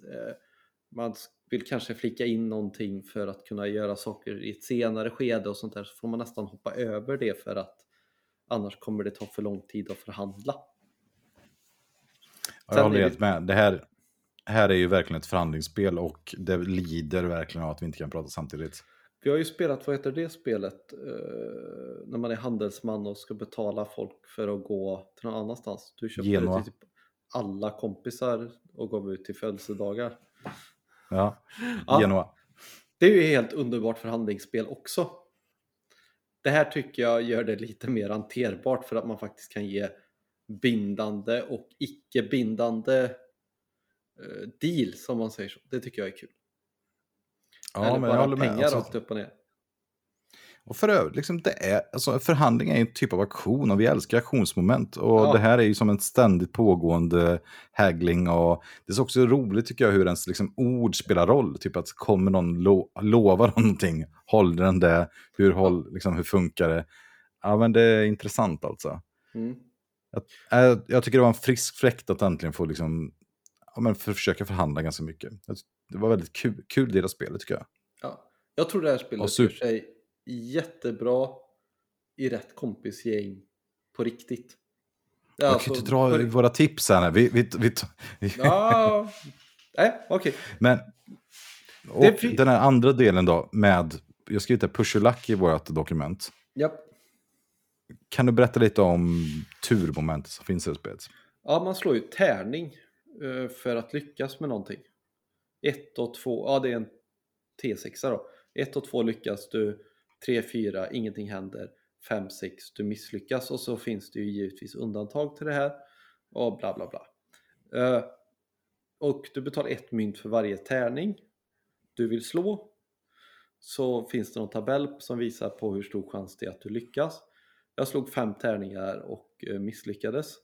Eh, Jag var glad att det inte var du som var med med det tillfället som slog det för du har ju väldigt svårt för det momentet. Jag kan, ta, jag kan ta det lite bättre. Okej, men hur stor del av... Okej, hur stor del av spelet är tärningarna då? Eh, För att driva handlingen framåt så är ju den 50%. Ja, och hur stor del av att typ vinna spel tror du skulle vara på grund av tärningar? Ja, jag tror jag håller fast vid 50% där. Ja, för det, det, man kan säga rent praktiskt är det så här att varje gång en ny tur st- startar så har alla de personer man har av i sin släkt som har olika positioner, de kan gå i pension. Och Mm. det låter som något dåligt. Nej, pension vill man gå i för då får man chansen att ha något fett vedergångsavlag. Mm. Och då kan man då köpa någon jättestor gård utanför i Skottland eller någonting, eller en stor ö och betala jättemycket pengar för att gå det. Och då får man jättemycket vinstpoäng. Mm. Och sättet att vinna spelet är då vinstpoäng och sättet man måste egentligen främst få det, det är genom att gå i pension. Sättet man går i pension är, om man tänker att det var ett vanligt eurospel, då hade man kunnat valt att gå i pension. Kanske genom någon Ja, slags mekanik. precis. Men det är fortfarande tärningen som styr. Så när i början på turen så slår jag en tärning. Skulle den då landa på ett eller två så är personen purfärsk. Spelar ingen roll vad du gör. Det finns inget sätt att mitigera den här slumpen på. Utan personen är kvar på jobbet. Slår du tre eller fyra så börjar den bli lite äldre. Du lägger på en token på kortet. Vilket betyder att nästa tärningsrunda så kommer den ha plus ett på slaget. Slår du fem eller sex, eller slutar på fem eller sex efter även tokens, går personen i pension. Och då får du då betala för den, att den hoppar in och får ett stort vedergångsavlag. Eh, avlag. och får jättemycket vinstpoäng. Och jag kan bara ta som exempel att senaste gången jag spelade så gjorde jag ingenting i spelet. Alltså, Nej. jag hade inga vinstpengar, jag gjorde ingenting. Jag var satt och bara försökte ja, överleva, få folk att eh, lyssna på mig och jag betalade dem för att göra lite olika saker och försökte vara snäll egentligen i spelet. Och sen fick jag en liten position och sen så gick jag i pension. Sista rundan i spelet, tryckte in den i, på rätt ställe, betalade alla pengarna och hade mest vinstpoäng och vann spelet. Mm. Hade jag inte slått fem eller sex i den turen så hade jag kommit tvärsist. Ja. Och de flesta andra sakerna avgörs om mina militär lyckas, om mina skepp överlever, etc. avgörs på tärningskast. Ja, Mm. det är ju, tycker jag, kanske något, något provocerande. Alltså, det jag, Jag funderar på så här, bara, är... jag, kom, jag kommer bara ihåg när du berättade om att du hade spelat Brass första gången. Och du berättade att du förlorade för att du drog ett kort av tre fel. Just så det, det var 33 minus trean. Ja, precis. Nej, det var större, det var typ en på fem eller något. Ja, okej då. Men, ja. Och hur tiltad du var utav det och hur du tyckte att så här bra spel kunde ha det momentet. Det förstörde ju alltihopa. Lite det du sa vid det tillfället. Jag tror du kanske skulle säga det idag också, men ja absolut. Jag skulle tycker verkligen samma sak. ja. Och det är konstigt att- det inte finns någon mekanism som förändrar det här i det här när allting annat är förhandlingsbart förutom just detta momentet. Det bara händer när det händer. För ja, och annat- just... För det kan vi säga, alla andra tärningar, om din militär lyckas eller misslyckas, det beror ju på hur många tärningar eller hur mycket du har betalat för att få tärningar. Men säg att du har råd att köpa sex tärningar, men du köper bara fyra tärningar för att du tycker att du borde ha klarat av det här på fyra tärningar. Och så misslyckas du med de fyra, då kan du fortfarande betala två tärningar för att slå en gång till. Så Mm. indirekt har du slått sex tärningar, men då kanske du lyckas och så alla är nöjda och glada. Det är det som är så annorlunda. Det är det som gör det slumpmomentet tungt för mig tror jag. Du kan Mm. inte förhandla det på något sätt. Utan det händer bara när det händer.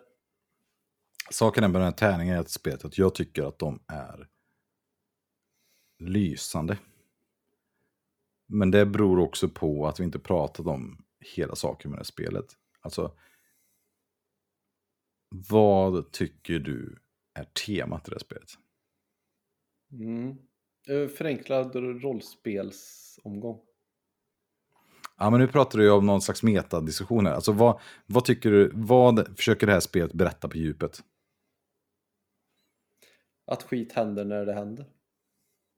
Ja, och liksom vad hela grejen med Ostindiska kompaniet och hur togs Indien över egentligen och vad finns det med mekanismer här egentligen? Ja, Det finns ju massa olika, men en del av det är det ju slump. Ja, Och att jag, jag rätt håller helt... person vid rätt tillfälle var på rätt plats och fattade rätt beslut. Eller i det här fallet då kanske fel då, för jag tycker ju kanske att det är dåligt att Indien blev koloniserat av Storbritannien. men, men absolut, nej men så här, för mig är det här en tematisk upplevelse. Alltså det är någon som visar upp en historia som berättas genom ett spel där vi är tänkta att liksom uppleva det här, ja, vad ska man säga, Storbritanniens övertagande av Indien. Men då är och det ju inte... Det vi, då vänta lite. pratar- och, det vi, och det vi egentligen då upplever är då hur vi som giriga adelsmän i olika kända familjer bara försöker göra det som råkar vara lite bäst för oss just nu. Genom varje given situation, försöker fortfarande hålla på ett löfte, försöker fortfarande se till att våra penningpolitik funkar hyfsat. Vi kan göra lite avkall från det. Och sen så slutar det med att vi har tagit över ett jäkla land. Och hur många personer som helst har dött. Ja, eller vi har drivit Och- företaget till total konkurs och Ja. mm, total misslycka för hemmalandet då. Ja, det är så intressant liksom för att när man spelar spelet så är det sådär att det är sålt in, man har hört om det, okej man driver ett företag ihop. Men jag, när jag spelar spelet så tänker jag inte en sekund på hur det går för företaget. Utan jag tänker bara, är det bra eller dåligt för mig? Och vår, min familj mina, mina personer här ute, om det går bra eller dåligt. Alltså, företaget blir helt sekundärt. Det enda som handlar om är ju hur det går för min familj. Och Ja, det- Storbritannien ska vi inte ens prata om. Det, alltså, det är ju, man märker ju inte av, alltså, Vadå land, moderlandet? Nej, jag har en familj att tänka på och ett företag. Ja, det är någon dum kille eller tjej på slutet som ska försöka få igenom någon lag. Det är ju hemskt. Ja, Som ja bara, förstör. var- vart kommer det här ifrån? Ja. Jag menar, och det är så fascinerande hur det här temat är då konsekvent tycker jag i val av material. Till exempel att de enda, det finns ju då arméer, det kan vara då eh, de indierna, eller de har man köpt, och de är då svarta pluttar som inte syns. Och de används, det är så intressant, man använder samma pluttar till arméer som till tokens på sina kort. Så de kan vara lite vad som helst, de spelar egentligen ingen större roll, utan Ja. beroende på var den ligger så betyder det något. Att ligger den på sina egna kort betyder att plus ett år, Mm. ligger det ute som i armégren, ja då är det en infödisk armé. Mhm. Liksom. Och det verkligen visar på att det enda som spelar roll är ens egna familj och de andra familjerna, för de är ju stora, fina, vackra porträtt som man lägger ut Mm. då, till exempel. Som också ser likadana ut, vilket jag tycker är charmigt. Ja, tematiskt är det här spelet helt underbart. Ja, och vad, vad, vad säger de då om tärningar i förhållande till temat då? Om nu temat är på något sätt, vad säger vi, eh, hur, in, hur familjens välbefinnande på något sätt. Men jag, Ja, jag tror vi förslaget. måste, jag, jag måste ta en annan approach till det här än den du gör just nu tror jag. Okej, Eh, om man tänker 18xx-spel, där är allt Mm. uträkningsbart och ditten och datten. Och det blir tävling för mig. Jag Ja. tävlar om att i första hand vinna. Känner jag att jag är en bättre spelgrupp än mig själv, då kan jag tävla att slå eh, Pelle. Eh, Mitt mål för idag är att försöka vinna, men jag ska verkligen slå Pelle liksom. Har jag gjort det då eh, kommer jag vara nöjd när jag går härifrån ikväll. Förstår du vad jag menar? ja, jag blir provocerad också att man slår en annan person, men det är okej, jag låter det passera. Ja, det är helt okej. Eh, I det här spelet så tävlar jag inte. Jag vill, jag vill att mitt... Eh, det är klart att jag vill att det ska gå bäst för min familj, men det handlar mer om att det är en drivkraft för att beskriva en bättre historia. Mm. Jag förstår vad du menar. Och det gör att slumpen inte är tung att ta. Det kan bli jättetråkigt, men som när jag spelade sist då. Han som vann hade 14 poäng. Alla utom jag hade 8 eller 10 poäng. Jag hade minus 3 poäng. Så jag bara, ja men jag tog förlora. Det var ett, jag hade ett gäng roliga tillfällen. Sista rundan tyckte jag var roligast nästan. Jag visste att jag redan hade förlorat. Men det var mycket roligare att förhandla då, för då hade vi ingenting att förlora på det. För Men vad säger det om. Och vad säger det om spelet egentligen? Ja, men att det, in, att det handlar om att berätta en historia tillsammans med olika incitament till historien som berättas. Och att det, Mm. Det är exakt. Och då är frågan, spel. hur funkar tärningarna till det här då? De fungerar väl jättebra? För då kan det Jag håller med. Då blir det inte en tävling. Nej, alltså om man ska spela ett spel, för hur lång tid kan det ta? Fyra timmar att spela kanske? Ja, Om vi spelar verkligheten. Säkert. Tre till sex timmar skulle jag gissa på. Ja.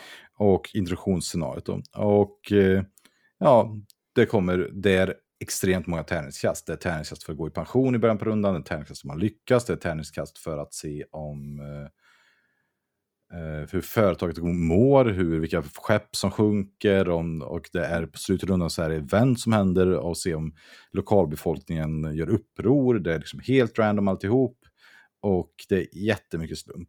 ehm, hela tiden. Det är att, jag tänker att i vanliga Eurogames brukar man ju prata om att man har ganska mycket kontroll, liksom, att man kan Mm. påverka sitt eget öde och så vidare.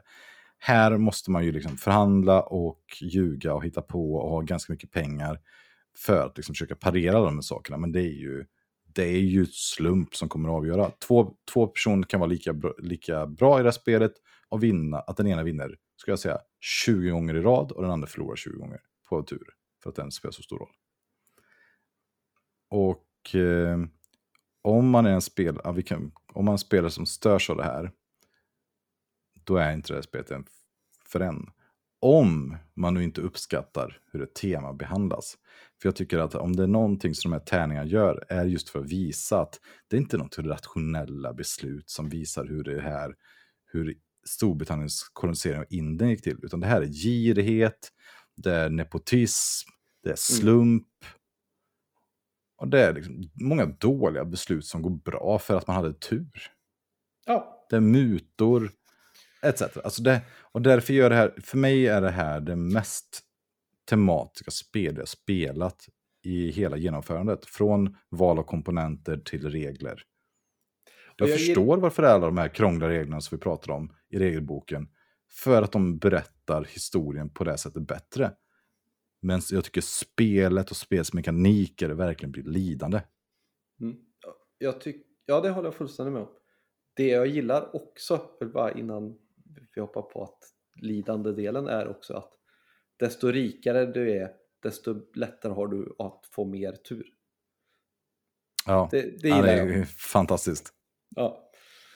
Och det är ju också så här kul som att, ehm, att i spelet så är ju, finns det kort som är vinstpoäng och som är London och så vidare. Och överhuvudtaget arten på de här korten är väldigt satirisk. Att de Ja. är eh, på något sätt. Och det läste jag om att eh, Cold skrev någonting om att det skulle vara så att man, att, att det blev på något sätt komisk effekt för att man ska kunna distansera sig eller någonting på något sätt. Och Mm. det tyckte jag var intressant för det ehm, tog mig till min litteraturuppsats som jag gjorde när jag skrev om Bertolt Brechts eh, dram, drama Mor Courage. Som handlar om, jag vet inte, har du läst eller sett Mor Courage? Nej, inte vad jag vet. Nej, det är, det är kul för Bertolt Brecht var en tysk eh, för, en dramatiker som bodde i Sverige under en kort tid när han skrev det här. Och han var marxist. Eh, han gjorde ett drama som handlade om en kvinna som var under 30-åriga krigen och var liksom, ja, kapitalist helt enkelt. Hon försökte försörja sig genom att köpa och sälja varor under kriget. Och där, eller var det hundraåriga kriget? Var det, ja, det handlade om mellan katoliker och protestanter. Hon hade sin familj jag drog runt på där i kriget och försökte köpa och sälja varor. Och var egentligen rent ut sagt ett svin. Liksom. Verkligen, Mm. du vet, försökte sko sig på folks elände. Mm. Det som var intressant med den här pjäsen var ju att, eh, och det var ju för han var ju marxist och även då kanske kommunist. Och han ville visa hur dålig kapitalismen var. Mm. Och det gjorde ju att han ville då visa publiken som skulle se hans pjäs, det här. Men när de kom in och satt och kollade på den här så insåg han att han hade helt misslyckats. För folk när de såg på den här pjäsen gick därifrån och kände sympati för den här mamman i kriget. Ah, som hade fått Så göra han- allt för att Ja, få men- sina barn att överleva eller? Ja, men precis. Så han var ju tvungen att skriva om det här eh, dramat flera gånger då, för att verkligen visa hur liksom, kapitalismens onda ansikte är överallt. Mm. Och då använde han, för det är ju som så att dramaturgin eller epiken på något sätt kom ju från eh, gamla filosofen Aristoteles som har startat typ alla normala, eller stora vetenskapsfält. Och han pratar ju om hur man försöker få med folk i verk, alltså hur man skapar spänning, hur man försöker bygga upp verk för att skapa maxspänning och att man folk liksom, du vet, blir meddragna. Mm. Och Bertolt Brecht var ju problem med den här dramat var ju att folk blev meddragna. Han ville att folk skulle tänka, så han var tvungen att försöka bryta sönder det här. Och det fick mig att tänka på det. Det här spelet är ju ett spel som verkligen försöker få en att tänka och problematisera det som händer. Mm. Och i vanliga fall när vi pratar om, jag vet inte, du och jag gjorde ju det här brädspelstestet där man kunde vara så här mekanik mot immersion. Och jag tror att immersion skulle kunna översättas med just att dras med. Mm. Och jag tänker att det här spelet försöker dra med en på en historia. Mm. Men, vi, men skulle helt misslyckas om du blir med på historien och var så här Åh, Storbritannien är det bästa landet, ja, nu ska jag ta över det här landet också. Typ som Risk gör, det får ju Ja. den effekten. I Risk är bara så här, åh, high five, jag fick alla arméerna, nu gick in och tog det här. och det här spelet skulle kännas misslyckat om man efter spelet så här high-fivade för att man hade tagit över Indien. Ja. Det, det här är snarare att man, och, okej, man vann, man gav sin egen familj mest pengar. Ja, det är något helt annan poäng. Mm. Och det är intressant att Bertolt Brecht använder en sak som kallas då för, för förfrämdung-effekt. Eller främmande-effekt. Och om ni någon gång varit på en teater och det är ofta då typ någon slags, har någon slags politiskt budskap. Och då kanske då eh, de på teatern börjar prata. Alltså jag har till exempel varit på en teater när helt plötsligt någon säger så här, nej, jag har eh, laglig rätt att varje timme har jag rätt till fem minuters rökpaus. Mm. Och då har den spelat Romeo och Julia först och sen liksom pang, nej, nu, har jag rätt, nu ska jag ta paus. Och så ställer den sig och börjar du vet, börjar röka cigarett, tar upp mobiltelefonen, ringer en kompis och börjar prata. Ah, tja, du. Och sen så tänker man så här, shit, är det här föreställningen? Ja, Så bara, nej, nej, de sitter där i publiken, ja, oh, men jag måste snart återgå, jag har bara tre minuter kvar, men vi kan prata, okej, vad gjorde du igår då? Ja, ja, okej, bla bla bla. Så liksom, och sen märker man, okej, det här är ett riktigt samtal personen har. mm. Och det är då ett en tänkt sätt att försöka få folk att känna sig, de kallar det alienerade, men liksom att de man inser att så här, oj, jag sitter just nu på en teater och tittar på en skådespelare, snarare än att jag känner med hur Romeo försöker liksom få Julia. Alltså att man, bry, man skapar distans, liksom. man får folk att börja tänka och bara så här, åh, jag känner mig obekväm här. Ett annat klassiskt sätt är till exempel att det var någon teater jag var på där de visade, en de sänkte ner en spegel så att alla i publiken såg sig själva. ja okej. Så det är liksom en effekt för, främjande effekt är en effekt för att liksom försöka bryta det här med att man dras med och istället börja tänka på faktiskt man ser. Mm. Och Brecht försökte använda det här då för att, försöka, att man skulle försöka förstå hur dålig kapitalismen är, även om det här var en mamma som höll på liksom, och led. Mm. Och jag tänker mig att Cold World i det här spelet använder just för främjande effekt. Jag vet inte om han är medveten, men jag tycker han gör det. När han har de här satiriska eh, teckningarna på olika personer, Mm. som, för jag menar, hade det varit verklighetstrogna personer så hade man kanske lättare dragits med och tänkt jag ser ut så här personen, jag är den här personen. Men då gör man karikatyr istället som gör att man blir mer ja, distanserad helt enkelt. Mm. Och även att mekanikerna är till exempel då tärningar som man kastar.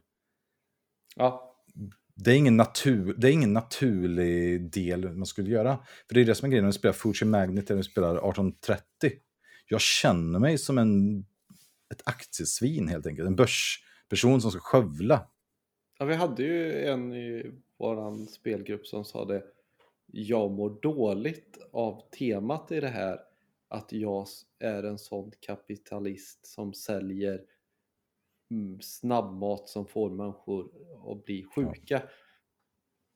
Eh, Jag tror inte han har några problem med att vara kapitalist annars i livet eller sådär. Men just det där, hela det liksom någonstans äcklade honom. Ja. Det är ändå rätt häftigt. Ja, men, ja, men för då blir han ju meddragen. Och jag Ja. tänker att det ligger de här mekanikerna i det spelet, att man ska inte bli helt meddragen. Vilket jag tycker är intressant, för det är ändå tematiskt.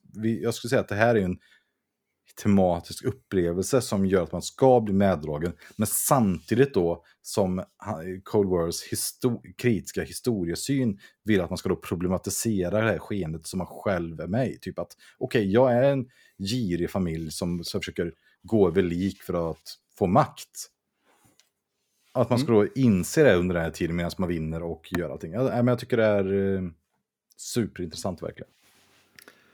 Ja, för vi har ändå pratat lite fram och tillbaka kring det här spelet eh, efter vi har spelat det. Och vi, efter vi spelade första gången tillsammans så sa vi så här, vem är det här för? Jag tror rätt Mm. många av oss tyckte att ja, men det här kittlar lite rollspelsgubben eh, i mig. Eh, Mm. 14-åriga pojken som var ute och slog ihjäl monster lite så här. Men det har även gjort att vi har lyssnat på poddar om Ostindiska kompaniet och sådär. Så jag tänker att det är lite det här du pratar om att ja, man blir meddragen i en historia men man inser ju ändå hur kast det var. Ja. Ja, för, för, ja. Nej, men jag, jag håller bara med. Alltså det, jag tycker att det här spelet är väldigt svårt att rekommendera. Jag, jag har tänkt jättemycket på det här. Eh, Jag tänkte Men vänta lite, innan vi tar rekommendationen. Kan vi inte bara på utreda, en, bara innan vi gör det. Hur, hur bra är det här spelet? Om man, bara, om man bara struntar i temat, om man tänker så här, ta bort historien. Och så funderar på så här, okej hur bra är själva spelet? Alltså det, mekanikerna som finns kvar. Om det här hade varit ett Eurogame och vi bara inte hade vetat om någonting. Vi säger att du, hade, du kunde ingen historia, du läste ingen, ingenting om det. Det stod något annat, det var i rymden där. Så vi har en skala 1 till 10 då antar jag. 1 till 10 och du får gärna ge ett exempel, förklara varför du tycker. Jag tror jag skulle ge den en 3. 3 av 10 på me mekaniker. Och Ja. då ska man tänka så här, Fu- Fujin Magnet som jämförs då, som vi jämförde förra gången. Ja. Hur tycker du är rent mekaniskt? 7 8. Ja. Och, te och om vi tänker tema på spelen. Ger nog båda en 8-9 skulle jag tro. Ja, och jag är lite generös. Jag tycker båda spelen kanske är 10 för mig i tema. Ja, om man nu kan få en 10. Ja. Ja, Högsta det- möjliga betyg Mm. för båda i tema. Meka mekaniskt, food chain. Det som, det som skiljer då här mellan food chain och det här spelet, att jag känner att temat är inte i vägen för spelmekaniken i food chain magnet. Mm. Det finns liksom inga onödiga regler. Jag tänker på ett spel som vi pratade om idag, Bress, som är så här, åh, eh, kol fraktas genom att eh, tas med på järnvägen. Mm. Men järn, det kan gå bredvid, för det skeppades ofta med eh, häst och vagn, så det behövdes ingenting. Okej, så att för att göra det här spelet mer historiskt, eh, en mer historisk simulering, så har vi då en specialregel. Så känner jag inte aldrig att det är i krom, Food alltså. Ja. Histor alltså tematiskt krom kan man till och med kalla Mm. det. John Company har, har ju det med drivor. Ja. Och det är Och jag därför ska det får säga en trea för mig. Ja, och jag tycker det... Och vad är det då som är bra i mekaniken tycker du egentligen? Nej men jag, jag, vi har pratat om det förut, vi gillar byteshandel, auktionsgrejer och sådär. Riktigt bra i Mm. Ja. det här spelet. Allt är till salu. Ja, men det, jag. jag hå- håller, håller helt med. Men, Men, och det, finns så blir- många lätta sätt att mm, göra det här bättre. Som att man på något sätt skulle kunna ha, att man kan påverka slumpen vid olika tillfällen. Till exempel att, vi, och vi pratade till och med tematiskt skulle man kunna fixa det, att man har dolda mutor man kan skicka in till exempel för att plussa på slag eller någonting. Men nej, det är inte där för att det hade inte varit lika bra tema. Jag, jag tycker, spontant tänker jag en 3 av 10 också, men jag kan försöka säga 2 av 10 i mekanik. Svindåligt rent ut sagt det här spelet eh, mekaniskt. Mm. Alltså, om jag tänker spela andra spel han gjort, de är också, ja, Root, krigsspel, man slår tärning, det är slött. Alltså anledningen till att Gloomhaven är bra, det är väl att det är en deckbilder med lite intressanta beslut, vad, hur man påverkar ens liksom, slump i det här spelet. Varför ska vi helt börja, plötsligt börja acceptera så här output randomness? Och bara, tur i de här, ett spel som tar fyra timmar att spela. Jag ser så många sätt man hade kunnat gjort det här spelet mekaniskt intressantare och bättre. Jag tycker att man kan faktiskt kräva det av ett spel att det både är bra mekaniskt och tematiskt. Men det, tematiskt är det här ju helt jädra fenomenalt. Jag blir ju, som du säger, att man läser avhandlingar, man lyssnar på poddar. Det, det tar det i sitt egna språk. Mm. Nej, jag tänkte på det när jag körde hem så här bara. Skulle jag köpa det här spelet för spelets skull? Så här? Nej, men köper jag det skulle jag kunna köpa det för spelupplevelserna jag kommer ha med spelet? Ja, definitivt. Ja, verkligen. Och då är kanske frågan egentligen som vi borde prata om, vad är ett spel? Men jag håller helt med dig. Mm. Det, vi, och det ska vi säga att vi har ju spelat en Kickstart-utgåva som inte är färdigutvecklad. Men med tanke på hur eh, ut, första utgåvan såg ut och med hur den ser ut nu så tror jag att fortfarande att Cold World vill ju göra ett historiskt tematiskt spel utifrån här, de här premisserna. Mm. Det kommer inte bli helt förändrade mekaniker i det här. Eller vad tror du? Nej, eh, de har väl testat lite olika idéer och sånt där. Jag har väl inte superspelat igenom. Det finns ju någon längre version där ens familjer blir även företag som kan köpas upp och slås ihop och man kan köpa in sig i de andra företagen. Jag är inte jätteinsatt i det hela men ja, alltså det, det släpps ju om, vad sa du, tre dagar? Två dagar?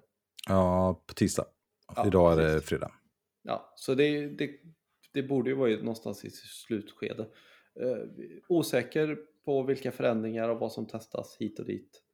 Eh, det får man ändå säga att fördelen med att det har fått så pass mycket backning på Kickstarter är att han har känt att han inte har behövt jobba med att promota det och hela den här biten utan har kunnat jobba med att förbättra spelet. Ja, verkligen. Men okej, men då kommer vi till den här frågan då. Till vem skulle du rekommendera det här? Ja, men jag är nog lite inne på det där. Det är de som gillar tematiska saker. Eh, Gamla rollspelare som inte orkar sätta sig ner och lägga 20 timmar i månaden på att eh, sitta varje fredag för att få kampanjen att gå framåt. Lite mer så här eh, scenariot vid rätt tillfälle. Så. Eh, ja, människor som gillar temaspel, gillar Arkham Horror så tror jag du kommer gilla det här. Ehm, Gillar du lite, alltså du och jag gillar ju det här. Av någon konstig Gör anledning. vi? Ja, gör vi inte det? Har inte du backat Det är kul att du tar... Jag har för mig att jag på poddens eh, ett avsnitt har sagt att Arkham Horror är ett av mina värsta spelupplevelser. Och det visar väl som vanligt... Eh, jo, jo, men det här är ju jättelikt Arkham Horror. Jag tycker verkligen det. Det är skitrörigt, jättemycket information, det är usel regelbok, asdåliga mekaniker, helt ointressant när man spelar spelet om vem som ska vinna. Man känner så här, om vi pratar om fillers, det var någon som sa att om man kan avsluta en filler när man vill, eller ett spel när man vill, då är det en filler. Ja, det här är en filler. Alltså, om någon säger så här, vi slutar efter två timmar och går och käkar istället. Ja, varför inte? Det är genuint ointressant när man spelar det spelet. Förutom att det är en vacker speldesign. Jag tycker det här är... Det här är liksom poesi i brädspelsdesign. Jag tycker att det är så fantastiskt genomtänkt. Och att när jag spelar det så upplever jag att jag känner de sakerna som jag tänkte jag ska känna. Mm. Och det på något sätt gör att det här spelet är... eh, Jag tycker att det är ett mästerverk. Jag tycker också att det är... Jag ska försöka dra en referens. Det finns en film som heter I fjol i Marienbad, eller Last year in Marien- Marienbad, av Alain René, ursäkta mitt franska uttal. Det är en sån här filmvetarfilm som jag såg av mina filmvetarkompisar som handlar om typ hur svårt det är att skapa kanske någon så här sann narration i berättelser eller någonting. Jag vet inte riktigt vad det handlar om. Den är spel, man vet, när man tittar på den så förstår man ingenting. Det är, de spelar från ett palats likt Versailles och dess trädgård. Och sen ser man olika personer som har olika dialoger eller monologer, du vet inte riktigt. Och du vet inte vilken ordning de kommer, men du förstår ganska snabbt att det du ser i början kanske egentligen händer i slutet och vice versa. I vanliga fall brukar man då få någon slags cliffhanger eller någonting i en sån här film. Men Mm. det finns ingen sån, utan det bara är... Tänk dig tagit hela filmen och så bara klippt om den till att den inte går att förstå. Lite Så för mig är temat i den filmen- poddavsnittet då. Ja, men lite så. Faktiskt. Och temat i den filmen ska jag säga är just hur vi människor försöker bygga någon slags historia av ingenting. Mm. Och det är en sån film som jag tycker är vacker, magisk, underbar. Köpte den, dyraste versionen, kommer aldrig mer se den. Nej men, är inte det lite en del av konst istället för produktion då? Ja, men hur, eller hur då? Att det är liksom ett konstverk som man liksom har upplevt på något sätt då. Ja. Mm. Men, Och så tycker jag det spelet är. Alltså för mig är det verkligen... Det är klart att jag kan tänka mig att spela det här någon gång ibland. Och... Men det är ju som du säger, det är ju med, verkligen vid rätt tillfälle. Jag skulle kräva inplanerad middag, man lagar mat ihop, det ska vara vin, man får gärna vara lite småberusad, man får vara på gla- glatt humör. Man ska inte vara sugen på att spela ett liksom, strategispel. nej. För då är det bortkastad tid. Då skulle vi, varför skulle vi inte spela ett bra spel istället då? Det här är ju en my, un, intressant stund ihop. Ja, men vi skriver en historia ihop och det är, vi kommer... Vi har ju fortfarande pratat om första gången vi spelade John Company. Första utgåvan. Ja, ja, verkligen. Ja, och jag kan fortfarande tänka tillbaka på det mot mina förväntningar, mot verkligheten. Ja, hur saker och ting blev som de blev och det, det är ju fortfarande ja, topp- en av mina topp 10 spelupplevelser. Inte för att det var en bra spelupplevelse. Nej, det var alltså, så himla dåligt. Jag håller med. Det är sjukt konstigt alltså. Ja, men det har någonting. Alltså, jag, jag har svårt att sätta ord på det, men Ja, men typ, Alltså- jag blir fnittrig när jag tänker på det liksom. det var så kul liksom. Någonstans. Och så himla dåligt samtidigt. Ja, Men det är som min senaste spelomgång. Är, jag vet ju, jag har ju en um, dålig egenskap att jag tror att jag tycker spel är roligare om det går bra för mig i dem. Men det var så himla kul. Jag var sådär, för senaste spelomgången så spelade jag. Och sen gick jag ut och hade någon kisspaus och något. Sen pratade jag med min sambo och jag bara, alltså det är ett sånt jäkla bullshit-spel alltså. Och då satt vi och hägglade och bara, ja men byt till med det här, det här och så här. Så visste jag ändå att det skulle komma ner till och bara, jag kommer slå några tärningar på slutet, se hur det går. Sen kan man ju, det är så kreativt, för det är en sandbox det här spelet. Man kan göra nästan vad man vill, man kan tanka hela företaget. Vi har inte ens satt upp, en. Nej.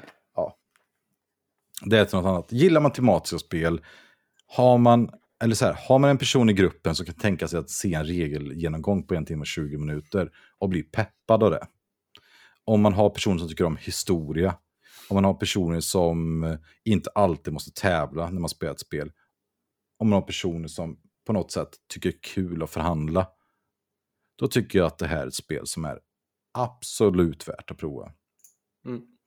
Man får också tänka då att jag tycker att det är en bra köp för att det här är en, det är en konstnär som gör spel. Coldwell är en konstnär som försöker göra intressanta saker. Jag tror dock att de flesta av hans spel är mekaniskt undermåliga, som jag har provat. Men det är något intressant. Alla spel behöver inte vara på samma sätt. Jag tycker det här är, jag tycker det här är vackert. Jag skulle rekommendera alla att köpa det, bara för att jag tycker Cold World ska tjäna massa pengar. Ehm, om man på något sätt vill ha ett spel som man tycker om så är det för er som är historieintresserade, som gillar tematiska spel, som inte bryr sig om slump, i alla fall kan tänka sig ha en trevlig historia med sina vänner. Ja, eh, det här är ju ett spel, jag kommer inte köpa det nu på KS för jag gillar inte KS. Eh, jag kommer köpa det vid ett senare tillfälle för jag känner att jag behöver ha det här ståendes hemma. Och det kan nog faktiskt få stå inplastat, det gör inte mig någonting. Men jag har tänkt, men jag har tänkt mycket på också det här, vi har diskuterat det också fram och tillbaka, vilka spel behöver man ha mer än ett utav i sin umgängeskrets? Eh, vad behöver bokhyllan fyllas av eller bla bla bla sådär. 1830 det är ju sådant spel som jag tycker ska stå i min bokhylla och det gör ingenting om det står ett i varje hem. Eh, 18 chess det räcker nog med att det finns ett inom 10 mils radie. Nej men inte kanske så illa men finns det ett i spelgänget så räcker det. Det är inget Mm. som vi behöver äga massor utav och det jag tror ingen, det finns säkert folk som kommer tycka emot mig här men jag känner att Pipelines är ett perfekt exempel på det. Eh, våran spelgrupp, en i våran spelgrupp köpte det först. Och han var så besviken på det men det är ett sånt här spel, det är kul att ha det i, i spelbiblioteket där man kan hitta det bland sina vänner. Men jag tycker inte att någon ska behöva betala för hela spelet själv. Nej, det är sant. Det är sant. Jag förstår du menar. Okej, om nu kommer det svåraste då. Om du ska ge det här ett betyg, vad ger det för betyg då? Vi har ju kört 1-10-skala. Jag tror fan det är från sjua alltså. Kanske en åtta. Ja, och det på något sätt problematiserar väl det betyg också. Om vi ger ett spel en 3 i mekanik och sen bara, ja det är ett jättebra spel. Ja, men jag skulle ge det brasklappen, ointressant att sätta betyg på, men 7. Mm. 8, köp det. Ja, så det får alltså Tunga brädspelspoddens eh, seal of approval då alltså. ja, det får det fasen med. Ja, och med det sagt så, ja, det här var kanske vårt mest förberedda avsnitt och därför också kanske mest röriga avsnitt. Jag vet inte vad vi kan säga om det här. Vad säger du Martin? Nej, jag vet inte. Sjukt svårt alltså. Eh, Ja, men jag tror jag kommer läsa lite mer historia de närmsta veckorna än vad jag hade förväntat mig att göra. Eh, jag hittar ju Ja. liksom mycket spännande poddar när jag börjar forska i det här. Och som vanligt vet vi inte vad vi ska göra nästa avsnitt. Vi har pratat lite om att vi kanske ska göra ett 1806 avsnitt för att det är just den där vi spelar mest. Vi tycker det funkar bäst online. Mm. Vi kommer nog ta en gäst om vårt underbara spelgäng. Vi får se när 1849 kommer. Det är ändå ett av våra favoritspel. Om det är någon som har någon idé om vad ni tycker vi borde göra eller vill ta kontakt med oss, kontakta oss på vår Facebookgrupp eller skriv till oss direkt på vår marknadsföring där vi har skrivit på något forum eller gå in på en Discord-kanal. Alla de här länkarna finns i avsnittsbeskrivningen. I annat fall så ses vi vid nästa tillfälle. Tunga Martin Johansson är det som har varit här idag. Jag heter Erik Sundberg. Martin har du några slutord? om tunga, Ja, en liten djupa teaser har jag. Jag tror vi har lyckats ragga upp en person som kan tänka sig att lära ut ett coinspel till oss. Eh, Kommer inte bli nästa avsnitt men tanken är att eh, vi ska försöka spela eh, ett krigsspel. eh, Kanske om två gånger. Vi får se. alltså krigsspel utan tärningar va? Utan tärningar. Utan tärningar. Men djupt tema hoppas vi på. Mm. Och då inte, och intressant setting kanske. Ja, med det sagt. Mycket kärlek från oss. Hoppas ni har följt med i vår diskussion. Har ni andra åsikter om vad tema är, vad setting är eller någonting annat vi har sagt, hör av er. Farväl. Ja. Fridens.